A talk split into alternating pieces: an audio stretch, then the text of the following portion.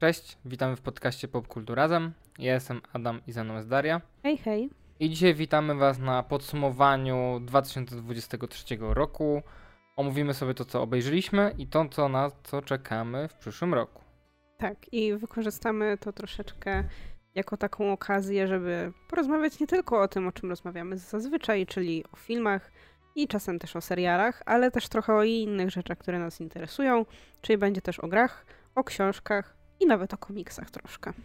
Tak, ja w tym roku robiłem sobie wspaniałe zestawienie w Excelu yy, produkcji, które widziałem i grałem i czytałem, więc mam taki trochę większy pogląd na to, co robiłem w tym roku i powiem, że jestem trochę zaskoczony, bo zawsze myślałem, że mniej tego oglądam i gram, a okazuje się, że dość dużo.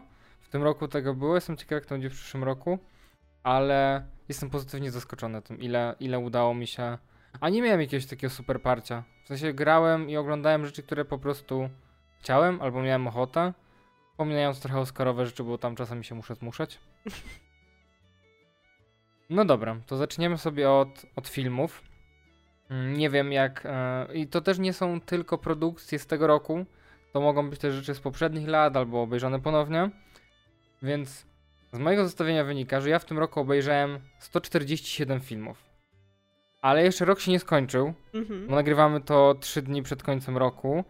A jeszcze będzie Sylwester, jeszcze idziemy na Aquamana do kina, więc zakładam, że do 150 filmów na pewno dobija. Z czego 65 filmów widziałem w kinie. Okej, no to u mnie to było filmów 84, a w kinie było ich 40. Wow, to serio aż tyle razy ja sam byłem w kinie? No sporo jakichś horrorów i innych takich rzeczy było, które mnie zupełnie nie interesowały, a, a ty chodziłeś. To powiem ci, że jestem zaskoczony. Myślałem, że będziesz koło setki, naprawdę. nie. W, sensie, w sumie jesteś koło setki, ale... No dobrze. To co nam się najbardziej podobało w tym roku? tak, ja chciałbym wyróżnić parę rzeczy, mm, które oglądałem, które nie znalazły się w mojej topce pięciu rzeczy z z tego roku. W ogóle udało mi się skleić topkę tylko z rzeczy z 2023 roku, dlatego do wyróżnionych wrzuciłem sobie serię Obecność, Mhm. którą oglądaliśmy i która mi się podobała. I byłem w szoku ogólnie, że mi się spodobało, bo spodziewałem się, że to będzie takie, a, taki horrorek, a to był taki nawet udany. Naznaczony mi się podobał, ale tylko części 1 i 2, bo potem ta seria zeszła na okropne tory. I mam Mordercze Klauny z kosmosu. To jest moje Okej. totalne zaskoczenie i jestem... y, To był tak dziwny i tak zaskakujący seans, ale piękny. Ja się zgadzam co do klaunów, chociaż one nie trafiły do mnie na listę wyróżnionych poza piątką. E, Ale to też są wszystko no, filmy nowe. I chciałabym wyróżnić na pewno Balladę Ptaków i Węży, dlatego że to nie jest jeden z tych filmów, które oceniłam naj, najwyżej, czyli te właśnie, które mam w tej mojej piątce, które gdzieś tam na Filmwebie dostały dziewiątkę albo dziesiątkę nawet. E, Ale to jest taki film, który dał mi dużo rozrywki, dużo potem myślałam o tej historii, przeczytałam też książkę y, po obejrzeniu filmu, więc chciałabym go wyróżnić. Drugi to jest Marcel Muszelka. To jest y, ca- największy highlight chyba tego naszego oscarowego oglądania na początku roku. E, To, była jedna, to był jeden z filmów, który był nominowany w kategorii najlepsza animacja i jest totalnie super. I już gdzieś jest dostępny normalnie, z tego co wiem, więc można sobie obejrzeć. I trzecia rzecz, którą chciałam wyróżnić, to jest Holy Spider. To jest też e, taki film, który był kandydatem Oscarowym. Nie chcę teraz palnąć, czy on był kandydatem szwedzkim czy duńskim. Którymś z tych, pomimo tego, że akcja dzieje się w Iranie.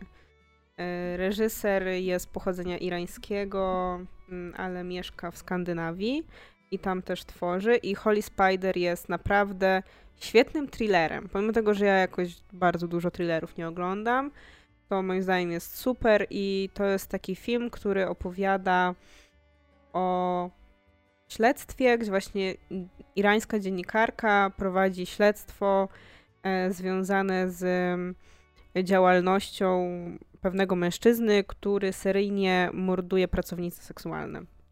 I E, ty mówisz, to... że on był nominowany do Oscara? Nie, on był kandydatem. Okej. Kandydatem był krajowym. E, tak. I był naprawdę super i uważam, że bardzo ciekawe jest też to, że on jest właśnie opowiadany z dwóch perspektyw, czyli i z perspektywy tego zabójcy i z perspektywy tej dziennikarki i one w pewnym momencie się zbiegają.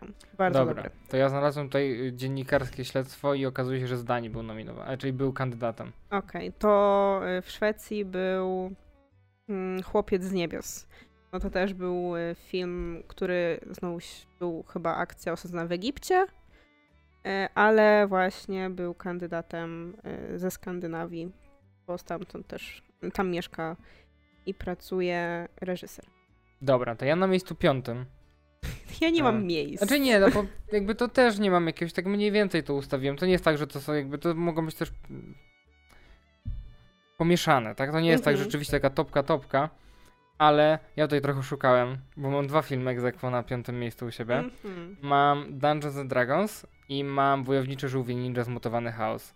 I to Okej. były takie, bo to są takie filmy, które nie spodziewałem się po nich dużo, a mnie zaskoczyły bardzo pozytywnie i dlatego je umieściłem na samym dole tego zestawienia, bo, bo te marki jakoś tak w ogóle mnie średnio interesują, a rzeczywiście te filmy były bardzo dobre, dobrze się na nich bawiłem i Wojowniczy Ninja miały bardzo ładną animację, fabularnie trochę może gorzej, a Dungeons and Dragons po prostu mnie urzekło swoim humorem i...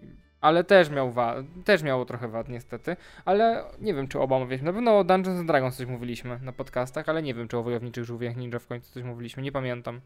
Chyba nie. No dobrze, mm, to tak, tak jak mówiłam, nie mam miejsc, więc nie ma co się przywiązywać co do tego, bo wszystkie te pięć filmów lubię bardzo.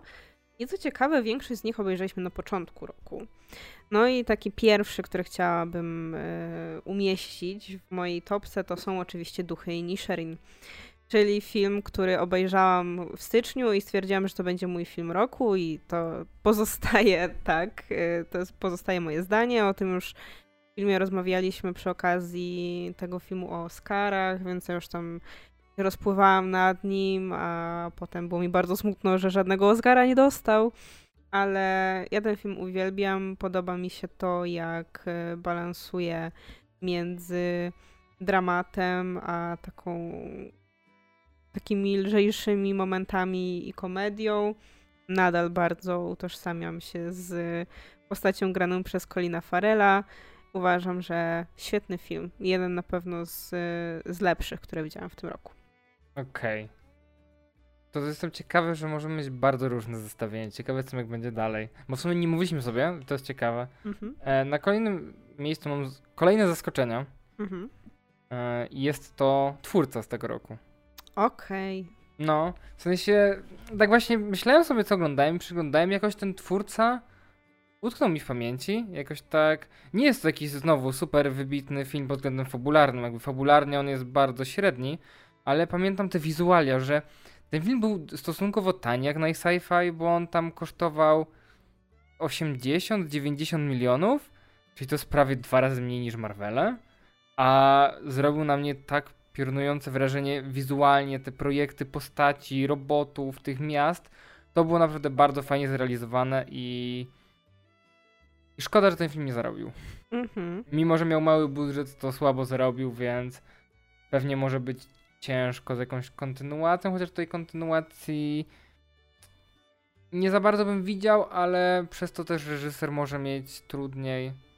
Przez to, że kolejny jego film jest tak w sumie trochę niezarabiający, nie? Mhm. Mimo, że nie dostaje jakiegoś dużego budżetu na gatunek, w jakim robi, nie? Mhm.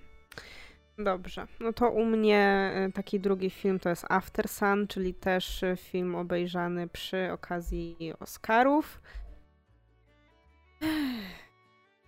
To jest film e, bardzo kameralny, bardzo bolesny w serce, pomimo tego, że jest bardzo taki niepozorny przez większość czasu.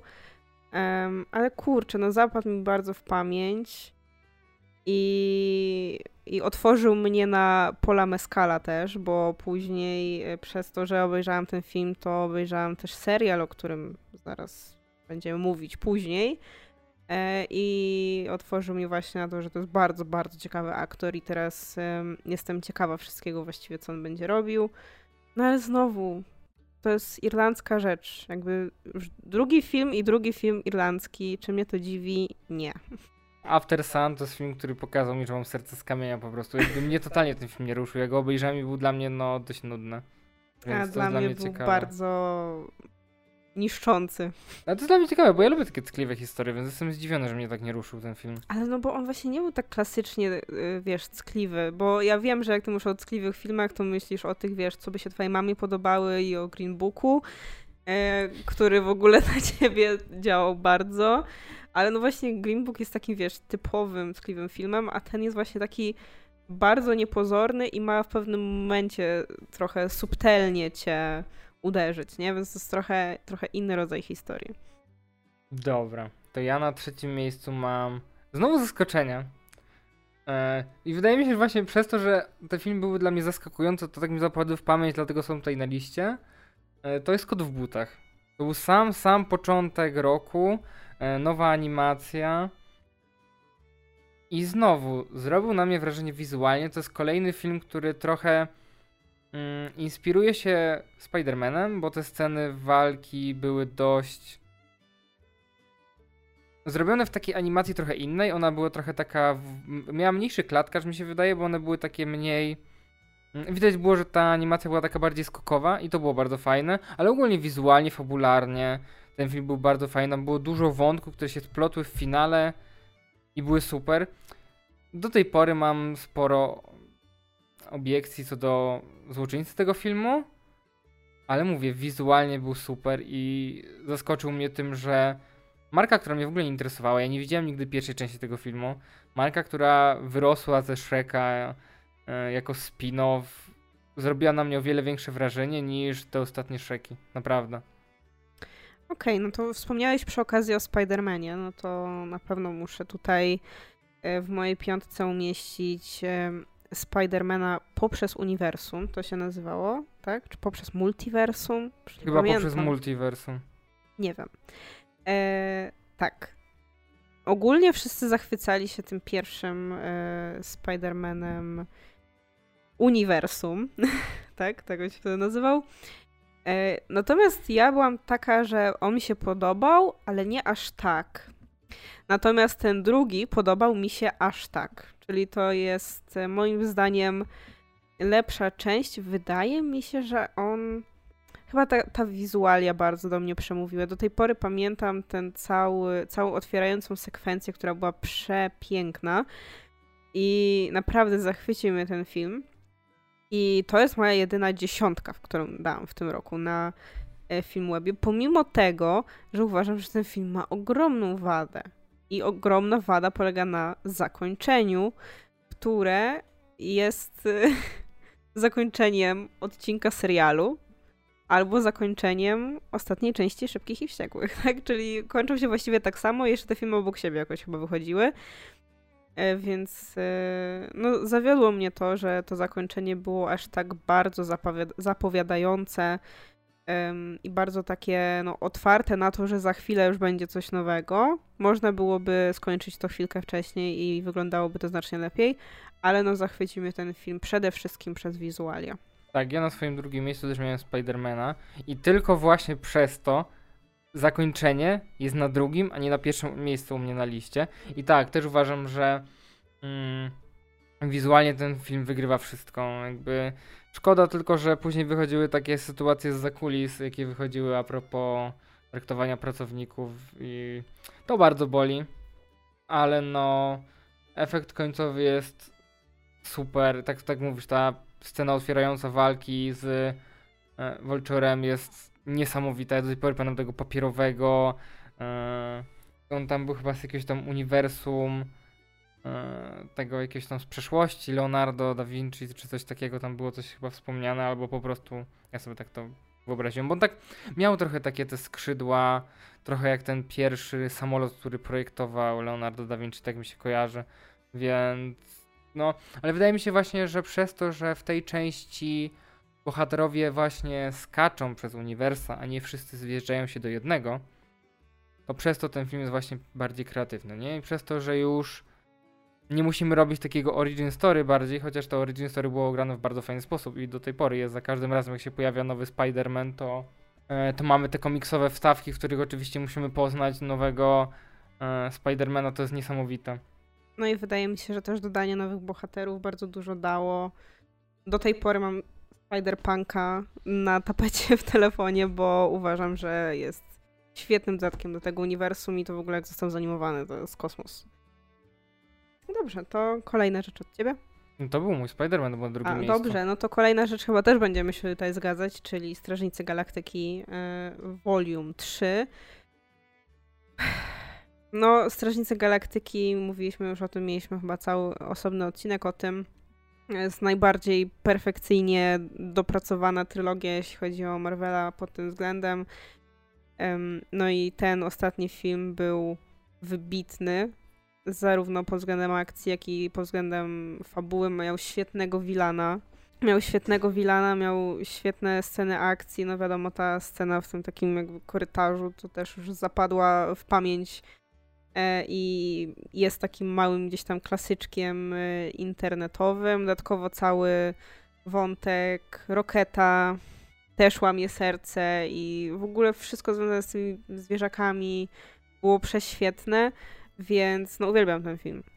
Tak, no i w sumie ten film dość mocno zwrócił uwagę na problem eksperymentowania na zwierzętach, przez co James Gunn dostał ostatnio nagrodę. Co, czego to było? Od Peta. Od PETA, właśnie, więc widać, że tutaj miała, miał film duży wpływ, ale masz rację, jakby dla mnie to jest niesamowite, jak Gunn w tym filmie nie boi się bardzo robić na przekór ludziom.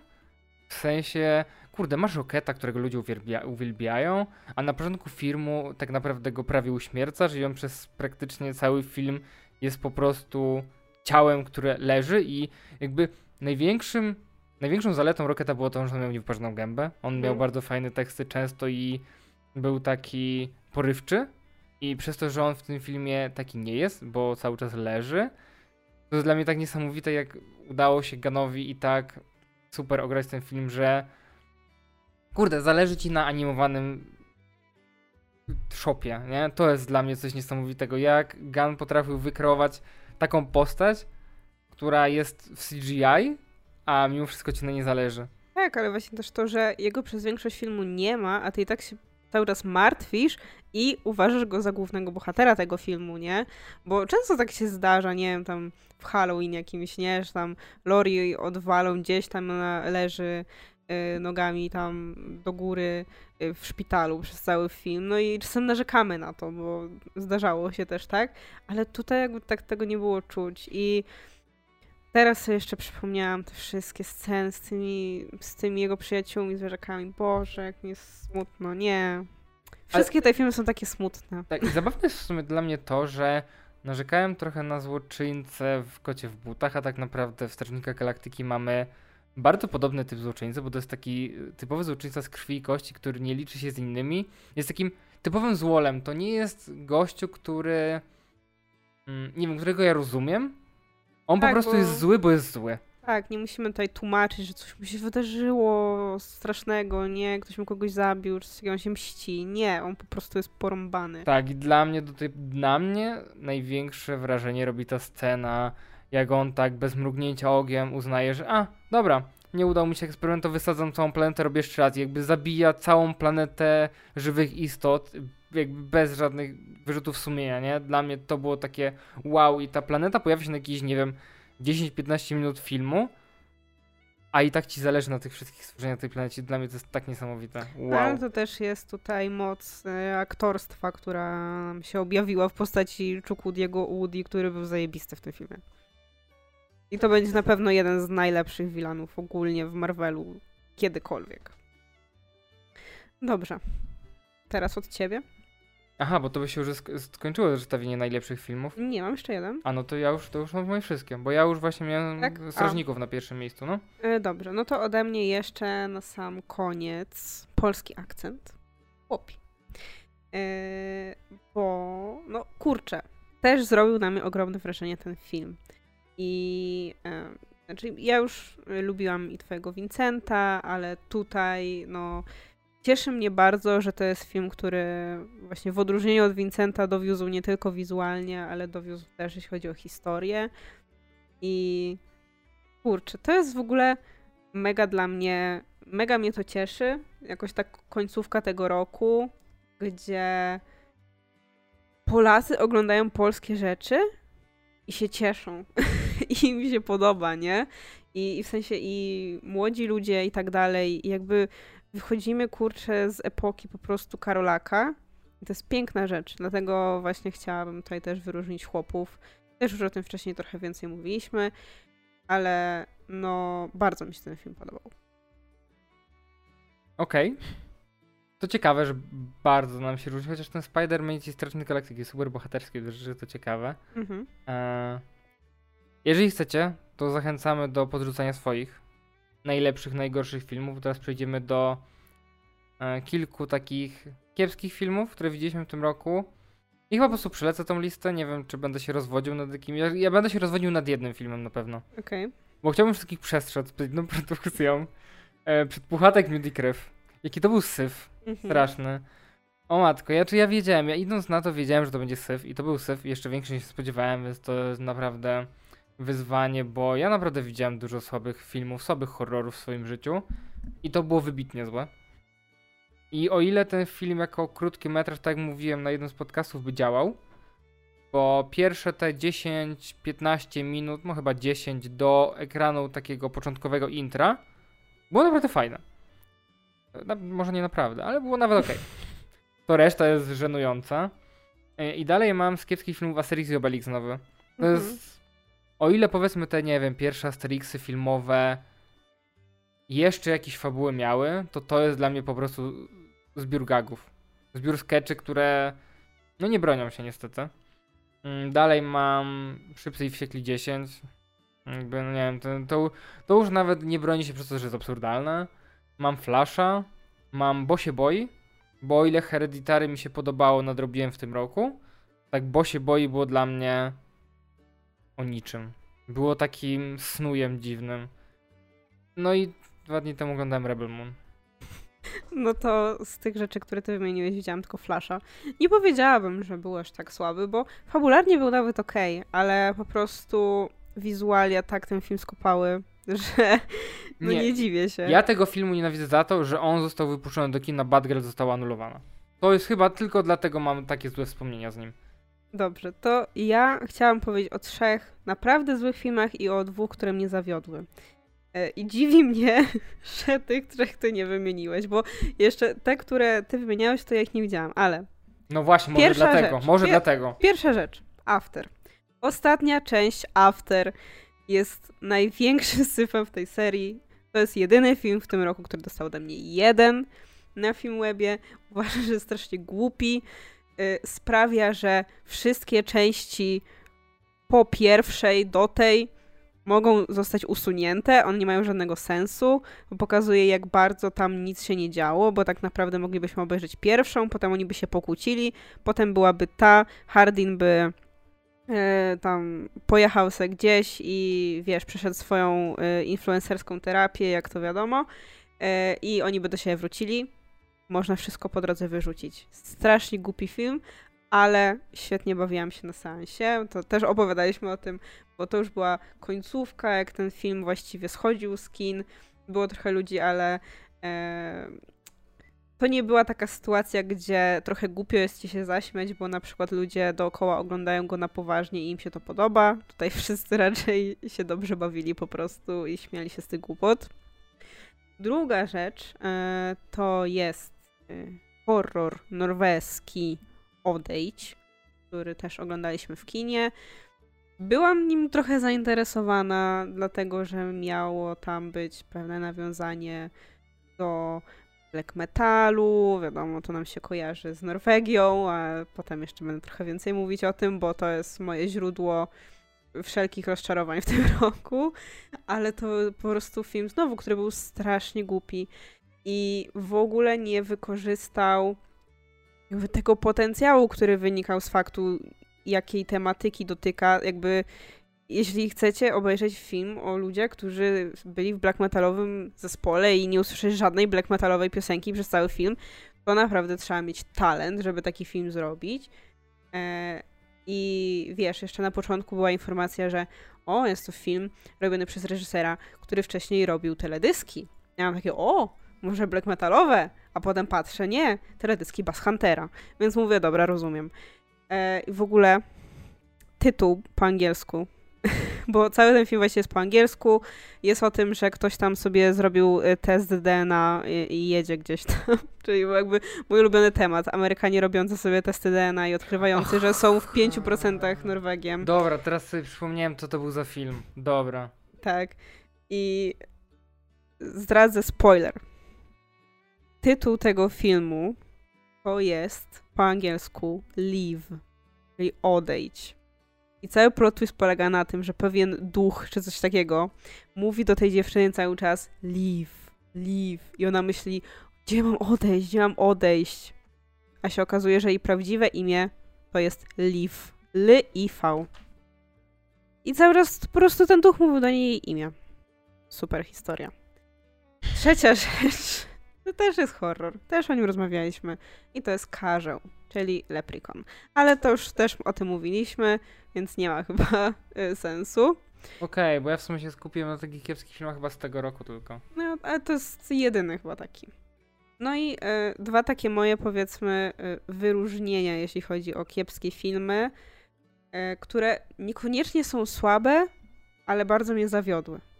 I to są znów dwie rzeczy robione przez Skandynawów, więc jest mi bardzo smutno, bo z pięciu tutaj tych filmów to aż trzy są takie. Pierwszy to jest w trójkącie. E, oglądaliśmy go oczywiście przy okazji e, Oscarów i był zdecydowanie za długi. Ten film jest podzielony na trzy akty, powinien mieć tylko dwa. Powinien się skończyć na momencie, w którym dochodzi do pewnego wybuchu i wtedy byłby on dla mnie satysfakcjonujący. Niestety później był po prostu nudny i przeciągnięty i było tego po prostu za dużo. E, nie jestem też niestety e, fanką e, humoru fekalno-żygalnego. I ostatnia rzecz to jest film, który oglądaliśmy sobie kiedyś na HBO. Nazywa się Goście. I to jest taki film, w którym mamy taką duńską rodzinkę. Ona tam poznaje jakichś ludzi z, tam z Niderlandów na jakieś wakacjach i mają jechać do siebie w odwiedziny. I to jest taki właśnie thriller w głównej mierze oparty na tym, że ci ludzie Y, gospodarze zachowują się dziwnie, a ci Duńczycy po prostu nie potrafią stamtąd wyjechać. I strasznie mnie ten film po prostu frustrował. Zwłaszcza y, pan Duńczyk mnie strasznie frustrował. Po prostu, nie wiem, tak byłam zdenerwowana, że pomimo tego, że to nie jest zły film i bardzo dużo ludzi mówi, że, że on jest w ogóle świetny i myślę, że może jakbym go obejrzała w kinie, też by mi się bardziej podobał, ale nie, strasznie mnie zdenerwował. No to tyle. I ja w ogóle przeglądałem sobie mm, listę rzeczy, na które, na które rzeczywiście czekam w przyszłym roku. Przeglądałem sobie listę premier przyszłego roku, przeglądałem sobie jakieś zestawienia, na co ludzie czekają. I szczerze, nie mam nic takiego super wow, na co bym czekał. I znalazłem sobie po prostu dwie rzeczy. Mhm. Czekam na KOS, ale tylko dlatego, że ten plakat mi się podobał jeden. Bo ten zwiastun jakoś, nie wiem, super wow nie zrobił wrażenia. I na Furioza. Mhm. I to są dwie rzeczy, które z tej listy, jakby wiadomo, że dużo rzeczy pewnie też nie ma premiery, gdzieś tam się pojawią jakieś filmy z nienacka, ale no z takich rzeczy, które gdzieś są zapowiedzi na przyszły rok, to chyba tylko te dwie rzeczy. Rzeczywiście czekam.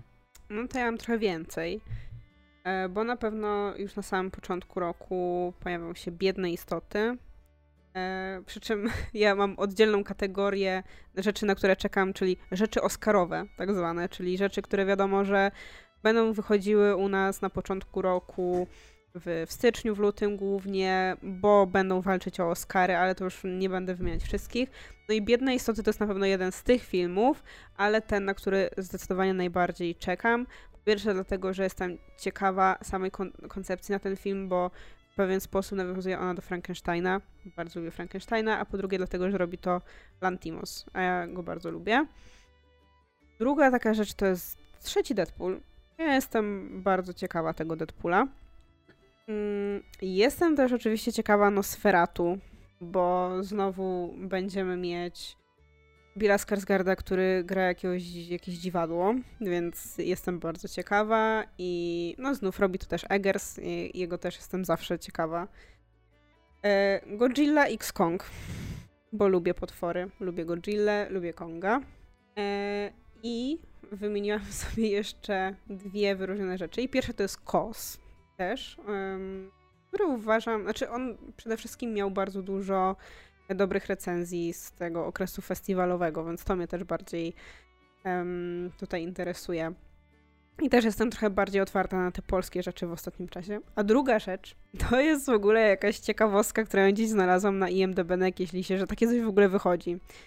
I zapisałam sobie to tutaj dlatego, że to jest po prostu nawiązanie do mojej dziecięcej traumy.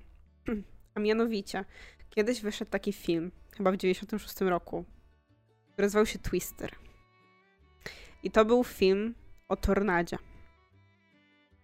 I ja z tego filmu dosłownie pamiętam jedną scenę, w której ludzie jadą samochodem i uderza w nich krowa, która jest zrzucona przez y, tą trąbę powietrzną. Ale jest też jeden z tych filmów obok tego programu o łowcach burz, który sprawił, że ja się ogromnie przeraźliwie boję tornad, pomimo tego, że nigdy żadnego nie widziałam i mam nadzieję, że nigdy żadnego nie zobaczę. I okazuje się, że w przyszłym roku wychodzi film Twisters, który ma być nawiązaniem, kontynuacją jakąś tamtego właśnie filmu. I jestem bardzo ciekawa, jak to będzie wyglądać i czy będzie tam jakaś latająca krowa. To musi tyle. być, wiadomo, że w filmie o tornadzie musi być latająca krowa. A może będzie teraz latający koń? Może. Dobrze, to chyba przechodzimy teraz do seriali. Tak, i też jestem w szoku w ogóle, ile ja seriali obejrzałem w tym roku. No, to na pewno znacznie więcej niż ja. Tak, bo ja mam e, ogólnie seriali, które widziałem 58, ale moje zestawienie nie bierze pod uwagę tego sezonów zazwyczaj, bo jak oglądam kilka sezonów pod rząd, to zapisywałem sobie jako jedną pozycję, a czasem jako dwie. Na przykład jak oglądaliśmy Bear na początku roku, pierwszy sezon i teraz drugi sezon, to mam jako dwie pozycje, ale Ozark cztery sezony jako jedną, więc to jest trochę zaburzone, ale w tych 58 serialach jest 5 seriali, których nie dokończyliśmy. Ale nie dlatego, że mi się nie podobały, po prostu jakoś tak nie wiem, przerwaliśmy je, bo coś innego wychodziło i ciężko nam do nich było wrócić, ale ja będę chciał na pewno część z nich dokończyć. Jak nie z tobą, to sam. No to u mnie jest równo połowa mniej, dlatego że zapisałam sobie 29 tytułów. Mam cztery opisane jako porzucone, które gdzieś tam zostawiliśmy po drodze. To był na pewno Andor, to był na pewno Wiedźmin, to był Człowiek w Wysokim Zamku, którego obejrzeliśmy jeden odcinek i co jeszcze? I jakaś jeszcze jedna rzecz. Robimy wykróci, nie obejrzeliśmy do końca. W sumie tak, to jeszcze nam się ciągnie. I mam dopisane osobno Boba, Boba Fett. Obejrzałam dwa odcinki, tylko wyrwane w ogóle ze środka, dlatego że chciałam zobaczyć, y, jak Grogu wrzucił do Mandalorianina. Okej, okay, to ja sobie mm, na początku dam. Mam z poprzednich lat, ale fajne. Tak zapisałem sobie ładnie. Okej, okay, czyli to nie wyróżnienia, tak? Eee, nie, jeszcze nie, chociaż trochę. Na pewno Nocna Msza, bo nadrobiłem serial przed zagładą rodziny Uszerów. Domu. Domu, znowu źle. Już wcześniej o tym rozmawialiśmy i też źle powiedziałem. Eee, I Nocna Msza jest bardzo fajna. Mówiłem o tym na podcaście, bo zrobiła na mnie ogromne wrażenie, bo bardzo fajnie porusza temat religii, wierzeń i takiego fanatyzmu religijnego jest naprawdę niesamowity. I jak nie lubię takich długich monologów, zauważyłem, że ten reżyser, reżyser bardzo lubi długie monologi. Mhm. Ale w tym są tak fajnie napisane, że one rzeczywiście mnie nawet wciągały. Mm, to mam jeszcze jedną rzecz. Mam Mythic Quest sezon trzeci. O. Tak, to było na samym samym początku tego roku. Oglądałem go sam, bo Daria nie chciała ze mną oglądać. E, trzeci sezon był trochę słabszy niż dwa poprzednie, ale mimo wszystko mi się bardzo podobał, no bo jednak tutaj tematyka tworzenia gier. Ja lubię gry, lubię, będę chciał tworzyć gry, więc jakby powiedzmy, że gdzieś tam tematycznie mi ten serial siedzi. Jest bardzo fajny. Ja uważam, że jest bardzo fajnym komentarzem na temat branży. Uważam, że mogliby jeszcze bardziej pojechać. E, Mogliby też go zrobić w takiej konwencji The Office, takiej, wiesz, przywołując czwartą ścianę, to by też nawet fajnie wypadło, ale mimo wszystko uważam, że jest naprawdę świetnie zrobiony. E, no i mam jeszcze Stamtąd i The Bear, bo oglądaliśmy pierwsze sezony na początku roku i to były super seriale i później obejrzeliśmy drugie sezony, jak już wyszły premierowo i też są super, jakby te dwa seriale są dla mnie dość sporym zaskoczeniem, mm, ale są super, bardzo fajnie są kontynuowane i czekam na kolejne sezony, naprawdę. No dobrze, to jeśli mamy zacząć od wyróżnień, e, to ja chciałabym wyróżnić One Piece. Bo to nie jest tak, że to jest jakiś jeden z moich w ogóle ukochanych seriali tego roku, ale to jest na pewno największe zaskoczenie tego roku, bo nie miałam co do niego żadnych oczekiwań. E, raczej byłam e, nastawiona średnio, dlatego że ja ogólnie nie jestem za bardzo fanką stylistyki e, anime e, i wiedziałam, jakby no też słyszałam wcześniej o tym, że no jeśli chodzi o adaptacje live action anime, no to zwykle one miały dość średnie opinie, tak jak, jak do pewnego czasu było z adaptacjami gier. E, więc byłam naprawdę bardzo zaskoczona tym, jak mi się ten serial podobał i jak fajnie się na nim bawiłam. E, więc super. I moje drugie wyróżnienie to jest e, finał Lokiego. I wyróżniam tylko finał, dlatego że pomimo tego, że ogólnie ludzie bardzo uwielbiają Lokiego jako serial i traktują go chyba jako najlepszy z tych wszystkich seriali MCU, z czym ja się nie zgadzam, bo ja mam innych faworytów, to dla mnie jakby Loki jest bardzo fajny pod względem takim stylistycznym. Uważam, że on wygląda świetnie i właśnie scenografia, kostiumy, to wszystko wygląda super. Ale jeśli chodzi o samą historię, to ja mam tak, że oglądam go, ale nie czuję jakichś bardzo dużych emocji po drodze. Mm, natomiast sam finał tego drugiego sezonu moim zdaniem był bardzo dobry i był dla mnie też bardzo emocjonalny. Samo właśnie zakończenie to jak domknięto wątek Lokiego moim zdaniem było bardzo dobre, bardzo mi się podobało, więc chciałam wyróżnić finał. Okej, okay, ja też mam One Piece w swoim zestawieniu e, wyróżnionych z tego roku. E, tak, uważam, że jest to bardzo dobry serial dla osób, które też nie znają anime ani mangi. Jest bardzo absurdalny, jest bardzo głupiutki. E, postacie są tak dziwne. Ale ja lubię taki humor. Ja lubię taki humor i taką dziwną. Mm, taką dziwną akcję, która jest taka no to do niczego za bardzo nie prowadzi, ale te postacie są tak fajnie napisane i w takie relacje ze sobą wchodzą i ci złoczyńcy, którzy są każdy urwany z jakiejś kurde dziwnej innej bajki, to wszystko jest połączone w jedną produkcję, która jak mówię o tym, to nie powinna działać, ale działa super. E, a drugie, to jest coś, na co trafiłem totalnie przypadkiem. Ja nawet nie pamiętam w ogóle, czemu zacząłem oglądać ten serial. E, Mrs. Davis. Mhm. To jest serial o o sztucznej inteligencji, która rządzi światem i która.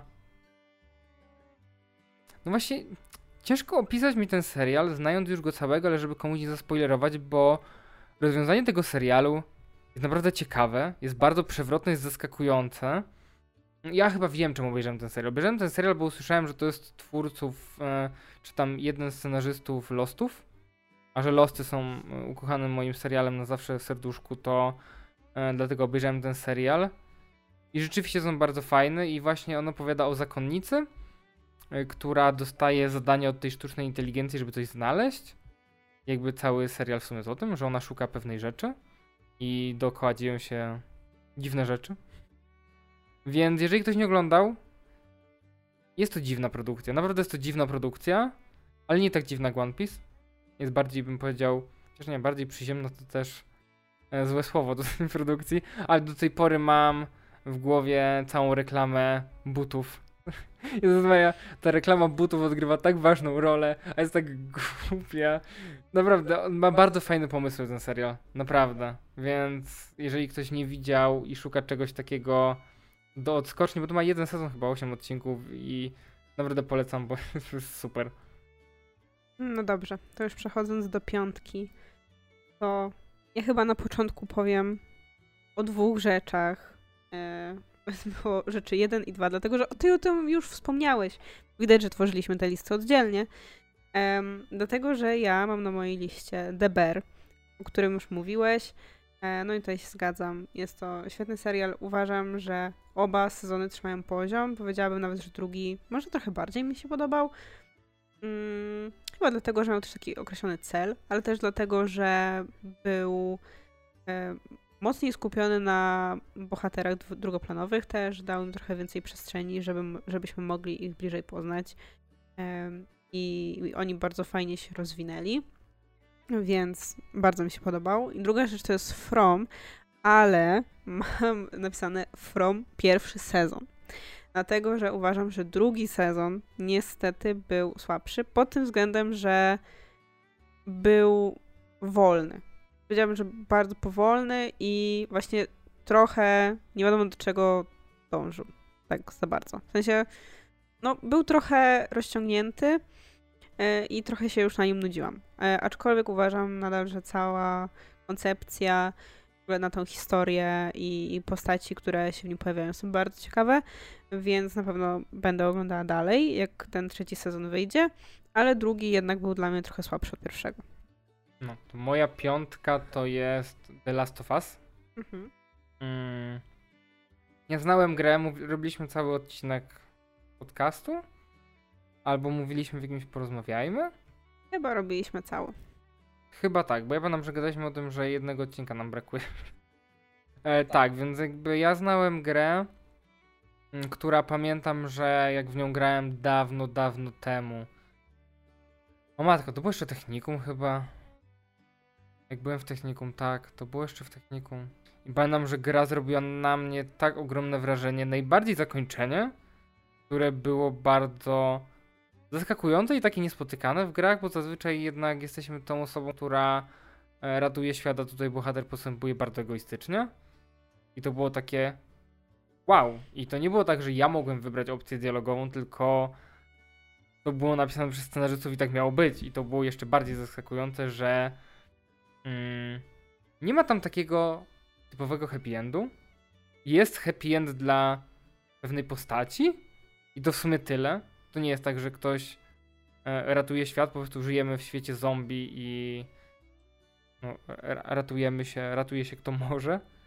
E, no i znowu to jest to jest kolejna produkcja, która niby jest o zombie, a tak naprawdę jest o ludziach i mam wrażenie, że w ostatnich latach nie powstaje za bardzo nie powstają za bardzo produkcje, które są o zombie i są rzeczywiście o zombie, które są zagrożeniem, bo te zombie są w tle. Na przykład w The Last of Us praktycznie nie ma tych zombie.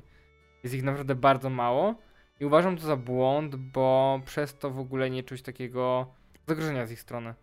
I jak już się pojawiają, to miałem takie no okej. Okay. I jednak w grze to o wiele lepiej wybrzmiało w tej kwestii, ale jest to naprawdę bardzo solidny serial. Jest bardzo dobrze zagrany, scenografia, kostiumy, wszystko jest super. Okej, okay. no to kolejny na mojej liście jest drugi sezon Reservation Dogs. Tutaj też wyróżniam drugi sezon, dlatego że tylko drugi sezon oglądaliśmy w tym roku, pierwszy oglądaliśmy wcześniej, a trzeciego jeszcze nie widzieliśmy, pomimo tego, że niedawno wyszedł. No już też w Polsce jest na Disney+. E, to jest, już też robiliśmy cały odcinek o tym, to jest świetny serial, naprawdę też, podobnie jak na przykład Duchy Nisherin, o których mówiłam wcześniej, łączący w sobie bardzo poważne tematy, dotykające bardzo poważnych problemów, tym razem właśnie związanych z dorastaniem jako rdzenny Amerykanin mieszkający w rezerwacie w Stanach Zjednoczonych. Jednocześnie łączący to z komedią i z humorem, który momentami jest tak absurdalny, że no, bardzo fajnie to wszystko rozładowuje całą atmosferę i przybliża kulturę, mm, o której no, z filmów czy seriali zwykle nie możemy się zbyt wiele dowiedzieć, dlatego że no, sami rdzenni twórcy nie mają za dużo okazji jeszcze, mm, żeby, e, żeby tworzyć historię o sobie, a więc to jest jedna z takich nielicznych sytuacji, kiedy oni mają e, taką możliwość. No i ten drugi sezon jest prześwietny i on mógłby równie dobrze być ostatnim sezonem. e, dlatego że no, doprowadza do zakończenia, które jest bardzo, no, jest bardzo satysfakcjonujące, e, jest bardzo wzruszające. My strasznie po prostu beczeliśmy, jak obejrzeliśmy to, to ostatni odcinek tego drugiego sezonu. Nie pamiętam, kiedy tak ostatnio miałam. E, ale no nie mogę się doczekać, aż obejrzymy ten trzeci, który jest ostatnim. E, I mam nadzieję, że również e, jest tak dobry jak i ten drugi. I nadal uważam, że wszyscy powinni to obejrzeć. Proszę oglądać na Disney+. Tak, ja też mam w swoim zestawieniu Reservation Dogs sezon drugi. To jest ciekawe, bo z moich notatek wynika, że ten sezon wyszedł w Polsce w tym roku. Mhm. Więc wychodzi na to, że w Polsce zeszliśmy dwa sezony w tym samym roku. Tak, tylko on wyszedł jakoś w styczniu. Tak, jakoś na początku roku, no. A teraz drugi w grudniu. No, więc ja też uważam, że to jest bardzo e, fajny serial, bardzo w moim humorze. Chciałem powiedzieć, że bardzo to przypomina trochę strukturą filmy Taiki Waititiego, mimo że tutaj on jest tylko jednym tam z producentów, mhm. to nie wiem, czuję, że jakby on to robił, serio, bo jest połączenie dramatu z komedią, w której on bardzo dobrze siedzi i ten serial też bardzo dobrze tutaj e, siedzi, oscyluje na, na granicy humoru i dramatu i wypada to naprawdę świetnie, gdzie e, musi być poważnie, to rzeczywiście jest poważnie, są płaczki, a gdzie trzeba trochę przełamać i pośmiać się, to śmiejesz się razem z bohaterami albo z nich, albo z nimi, więc naprawdę tutaj scenariuszowo jest top, naprawdę. Tak jak Daria powiedziała, no musicie, musicie to obejrzeć, bo jeżeli tak mogą wyglądać produkcje o rdzennych Amerykanach, to chciałbym więcej. Mhm.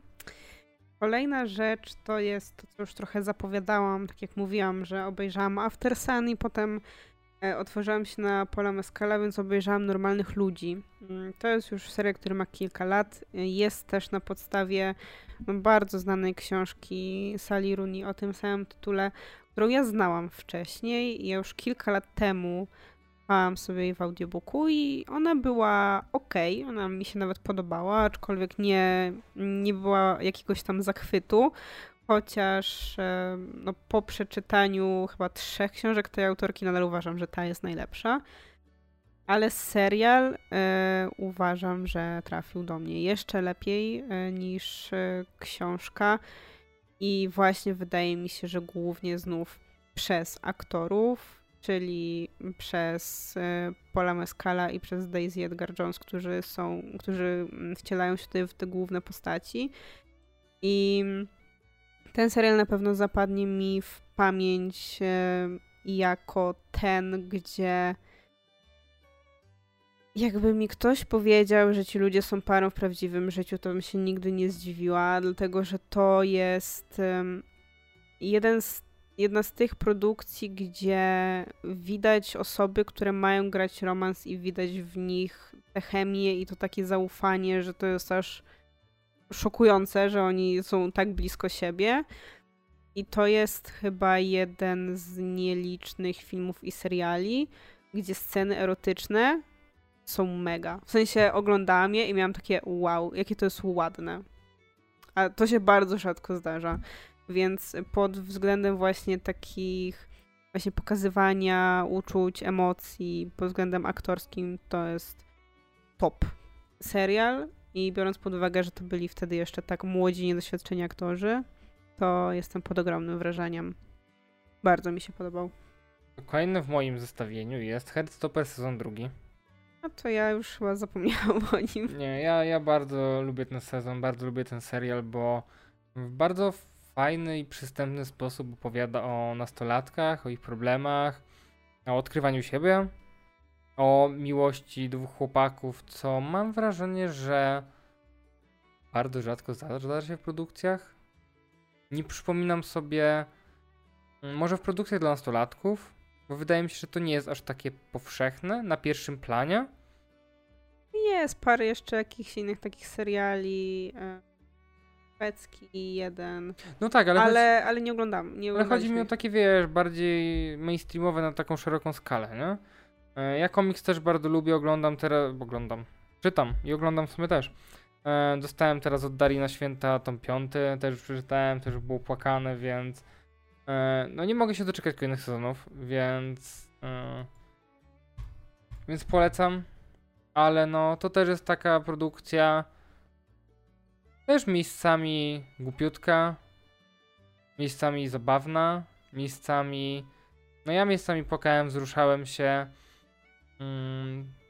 I też mi było przykro z wielu powodów, bo wiele takich problemów, które mm, gdzieś poruszone są w tym serialu jako nastolatek, powiedzmy w pewien sposób też mnie mogły dotyczyć i żałuję, że wtedy nie miałem takiej produkcji, w której mógłbym zobaczyć, że okej, okay, inni też mają znaczy, że moje zachowania albo nie wiem, rzeczy, które się ze mną dzieją to jest coś normalnego i nie muszę się tego bać, więc mhm. bardzo się cieszę, że osoby, które e, bez, że osoby mogą w tym zobaczyć siebie i zobaczyć, że okej, okay, jestem normalny, że nie jest coś ze mną nie tak.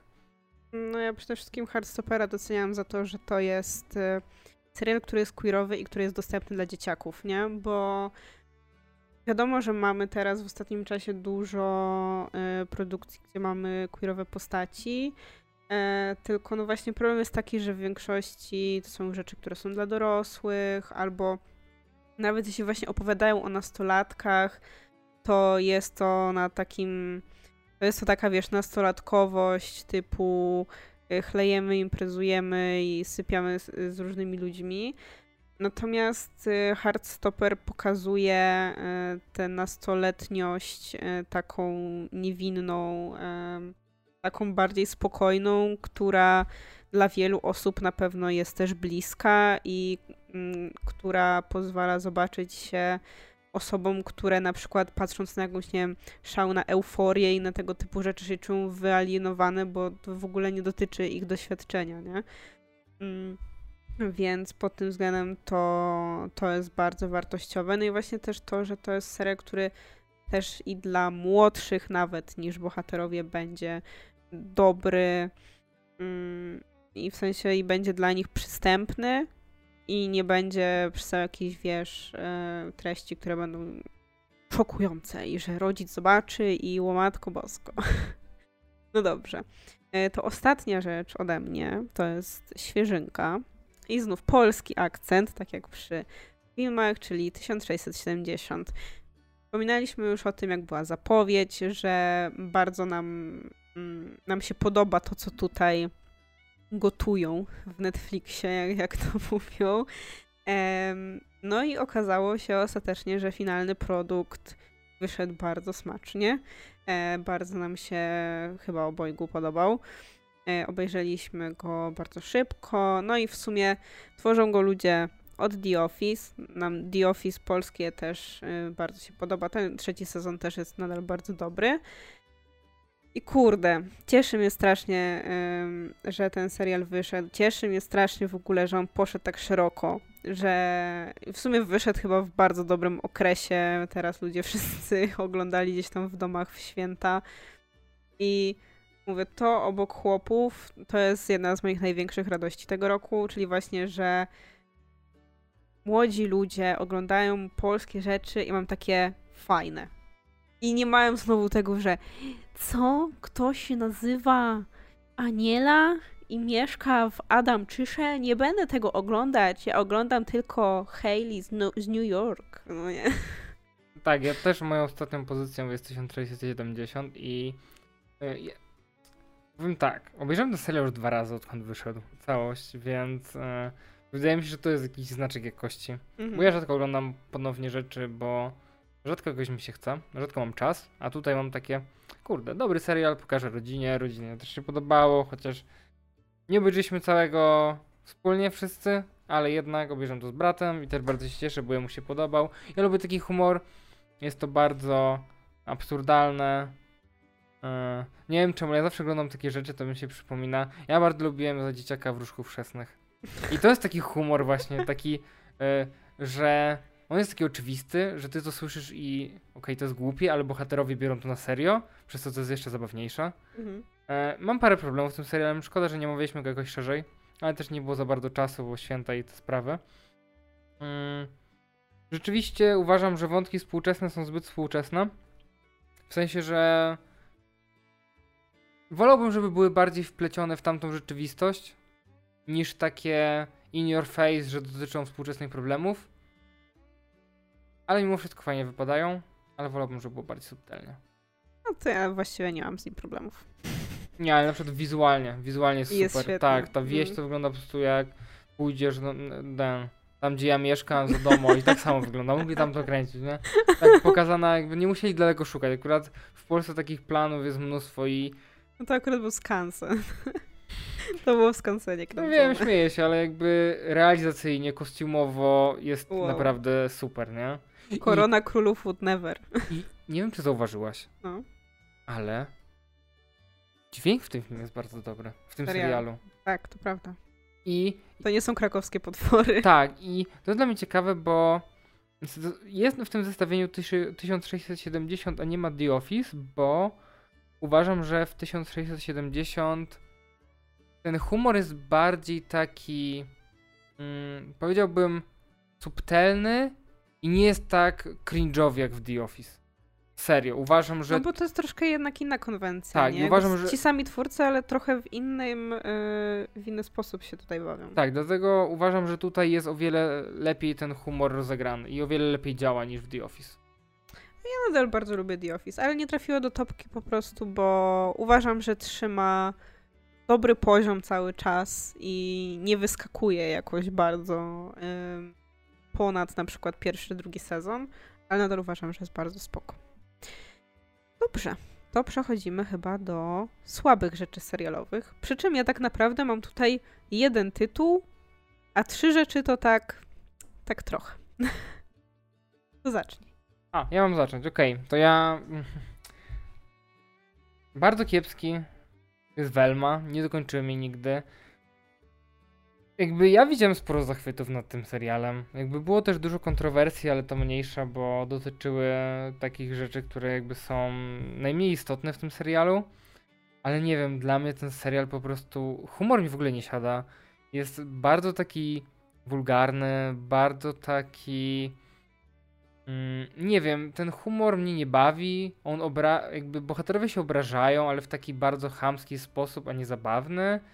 I uważam, że jest dużo takich krzywdzących wzorców, które nie wydają mi się, że one są wyśmiane, tylko są jakby, nie wiem, jak ja oglądałem ten serial, to czułem jakby osoba, która go robiła, była trochę zdesperowana i chciała wylać swoje żale. Mhm. Trochę tak to dla mnie wyglądało. E, więc jakby w porównaniu do Harley Quinn, a Harley Quinn też jest wulgarna. Ja na przykład nie lubię w ogóle, znaczy, może nie w ogóle, ale za bardzo nie lubię tych wątków, które są takie wulgarne, jakieś takie na siłę. Ale tam to działa jakoś, a tutaj jakoś tak nie, w ogóle mi to nie siadło.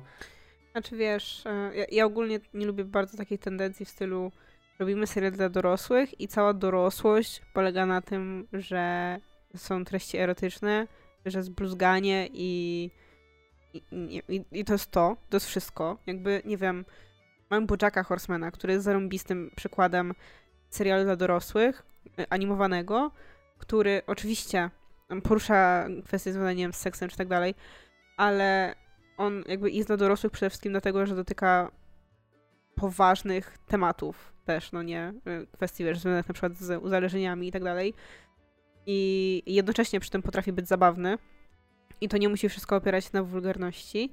E, natomiast wiesz, no, porównując Velmę do Harley Quinn, przecież ja nie, ja nie oglądałam Velmy, ale no, domyślam się, że wiesz, Harley Quinn y, nigdy nie była robiona jakby dla dzieci, tak bezpośrednio raczej zawsze się ją kojarzy z bohaterką, która jest e, no, bardziej brutalna i tak dalej, więc bardziej pasuje do tej konwencji em, czegoś dla dorosłych, czy czegoś dla starszych.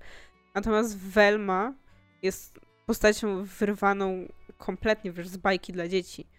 Więc tu może być jeszcze bardziej takie, wiesz, wyrwanie z em, jakby z tej konwencji, że to po prostu nie pasuje. Ale no mówię, jakby ja, mnie w ogóle ten serial nie interesował, dlatego że właśnie on był dla mnie idealnym przykładem właśnie tego typu serialu animowanego dla dorosłych, który po prostu opiera się na tym, że będzie będą żarty o seksie. Mm. I to, To prawda. I był jeszcze taki serial na początku roku, który trafiłem przypadkiem, bo chciałem sobie coś obejrzeć luźnego na e, Disney Plus i włączyłem sobie Extraordinary. Jezus ma, i to jest znowu ten typ serialu, który.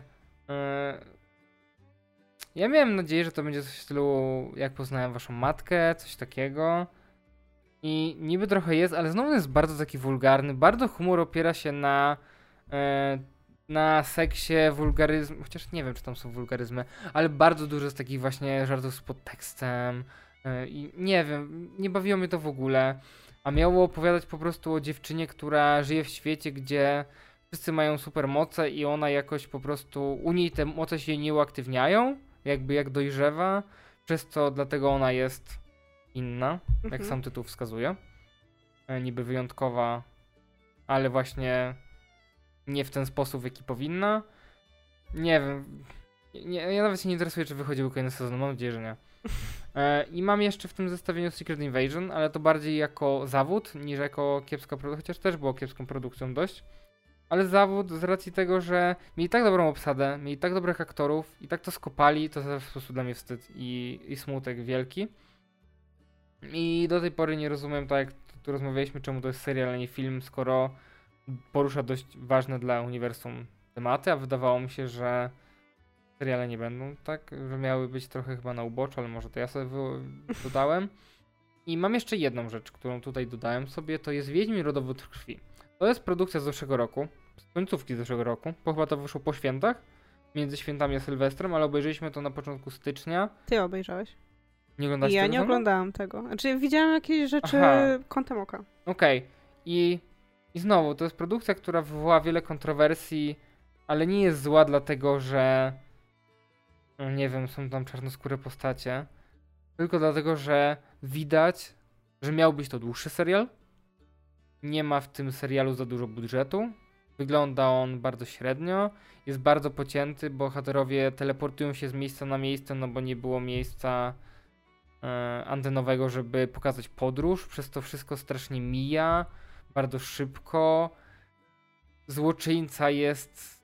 Nie wiem, ja nawet nie pamiętam. Jakieś tam kurde filary chyba mu chodziło. Coś on tam miał przenosić. Aha, bo to miał być tej koniunkcji sfer. A, no właśnie. W ogóle to nie brzmiało. W ogóle ja po tym serialu nie mam pojęcia o co chodzi z koniunkcją sfer. Nie mam pojęcia. A miał wyjaśnić, przynajmniej tak mi się wydaje, że tak miało, było zapowiadane, że to jest właśnie o tych początkach, jak to się stało, że ludzie znaleźli się w tym świecie. Dla mnie to hmm. nic nie wyjaśniło, było żenująco. No dobrze. E, to tak, powiedziałeś o Secret Invasion. Ja mam napisane trochę Secret Invasion, e, dlatego, że ja ogólnie jakby jak obejrzałam ten serial, to nie miałam poczucia, że o Jezu, jaki to był syf, jak wiele osób. Dla mnie on był serialem zapominalnym i przede wszystkim, no moim zdaniem, właśnie największym grzechem tego serialu jest to, że to jest serial i zupełnie tego nie rozumiem, dlatego że przez to jakby całe te wydarzenia, które się tutaj dzieją, tracą zupełnie na mocy. I wydaje mi się, że też w związku z tym, że e, ten serial został tak przyjęty, że generalnie nikogo i właściwie nikt już o tym nie pamięta, to te wydarzenia pewnie nie będą miały żadnego znaczenia w przyszłości i pewnie o tym zapomną i to porzucą, bo nie widzę sensu kontynuowania wątków z produkcji, którą pewnie mało kto obejrzał, bo od początku jakby poszła, wiesz, fama, że, że jest słaby. Nie wiem, w sensie to jest strasznie dziwny pomysł. Jakby to jest bardzo ciekawa koncepcja. Ja też przed przed wyjściem tego serialu czytałam komiksowy pierwowzór, e, aczkolwiek jakby no tylko tę główną serię, więc słyszałam, że to też e, mocno okrojone, e, bo to jednak cały ogromny event. Ale no kurde, no może tam było i jakby ja nie mam nawet problemu do tego, że Nick Fury jest smętny i że ma brodę, jakby nie obchodzi mnie to, kupuję go w tej formie i nie przeszkadza mi nie wiem, tam Emilia Clark, bo jest koksem później. Jakby nie przeszkadza mi to zupełnie. Y, uważam, że no, ten złoczyńca y, jest no, no, dość generyczny. Y, widzieliśmy takiego już gdzieś, ale uważam, że jest spoko zagrany też. Jest Olivia Colman. Uwielbiam ją i ona w tym serialu jest zarąbista. I uważam też, że momentami te takie wymiany zdań między postacią graną przez Bena Mendelssohna i, i Samuela. Jacksona też są bardzo fajne, więc jakby tam jest są rzeczy, które mogły być fajne, ale jakoś tak wchodzi to też taki mech, nie wiem. Więc to jest jedna rzecz. Druga rzecz, która trochę mnie zawiodła, to jest y, zakończenie y, Nasza Bandera znaczy śmierć tego drugiego sezonu. Też o tym szerzej y, trochę mówiliśmy w innym odcinku i uważam tak, jeżeli y, to będzie, tak jak niektórzy spekulowali, zakończenie całego serialu. Bardzo będę zawieziona, bardzo, bardzo. Dlatego, że to bardzo wygląda tak, jakby twórca nie wierzył w to, że dostanie kolejny sezon i próbował spinać pewne rzeczy, żeby to było zakończenie, ale fabularnie nie ma to zakończenie sensu. Jest yy, bardzo przyspieszone i to, co dzieje się w odcinku przedostatnim, i to, co dzieje się w odcinku ostatnim, się nie łączy ze sobą.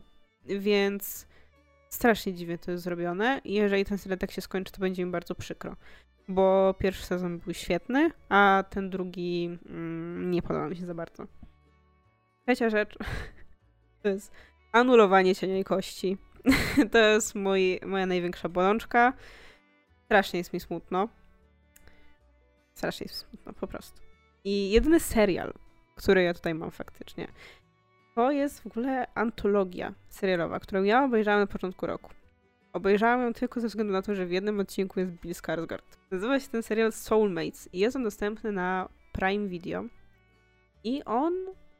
Ym, sam pomysł na ten serial to jest tak, że to jest właśnie antologia, ale wszystko dzieje się w tym samym świecie, w którym mamy pewne założenie. I jest to założenie który wydaje mi się, że jak ludzie myślą o przyszłości i o miłości, to jest jedyny pomysł, który przychodzi im do głowy.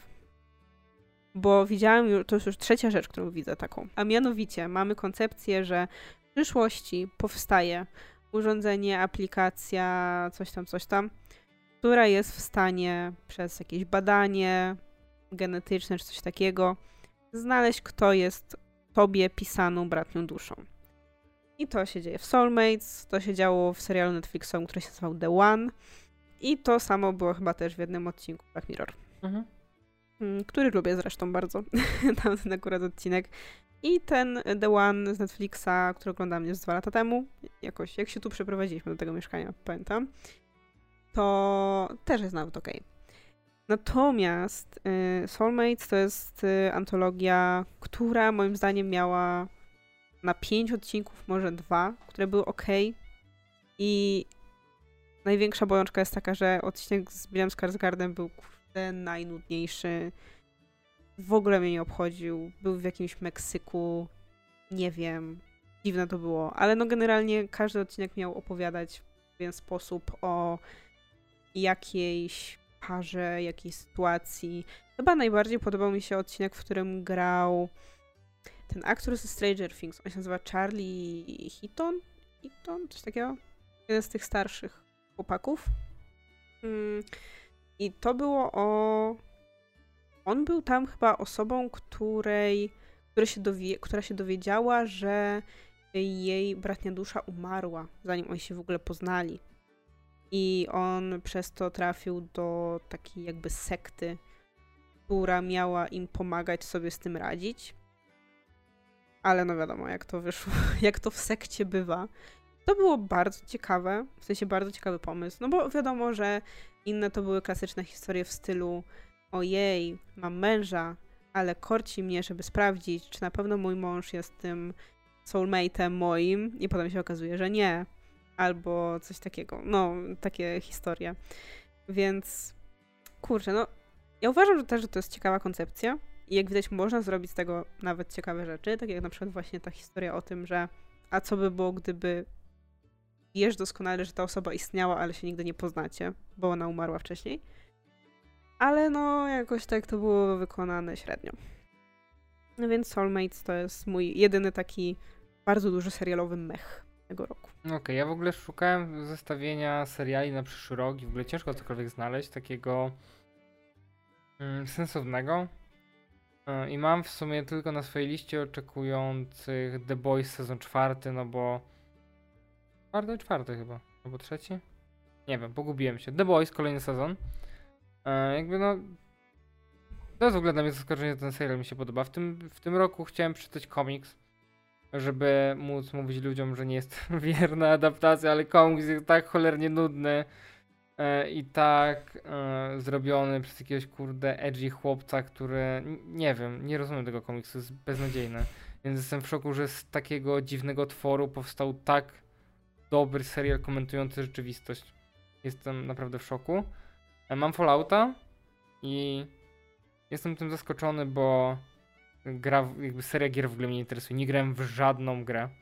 Widziałem tylko recenzje gier, więc jakby to jest cała moja wiedza na temat i trochę sobie czytałem o, o tym świecie, o co w nim chodzi, więc powiedzmy, że mniej więcej kumam ten świat i na czym on polega i z czym to się je, ale tylko tyle. E, doczytałem dziś, że Arkane wychodzi w przyszłym roku, ale nie, nie wiem, nie chcę mi się wierzyć. To już. drugi sezon? Tak, ale jakoś nie wiem, tyle to powstaje, że ja już zapomniałem trochę o tym, a szkoda, bo to jest naprawdę bardzo dobry serial i chętnie bym obejrzał pierwszy sezon jeszcze raz. Mm, my ukradłem od ciebie X-Menów, bo przypomniałem sobie, że one wychodzą w przyszłym roku. no tak, czyli X-Men 97. Uwielbiam X-Men z 97, więc chcę X-Men 97. No i druga rzecz u mnie to jest też Marvel Echo.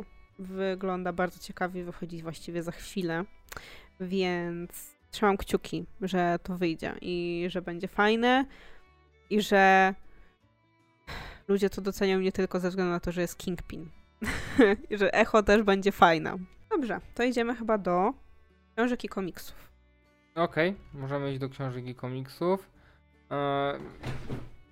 Boże, biedny kotek.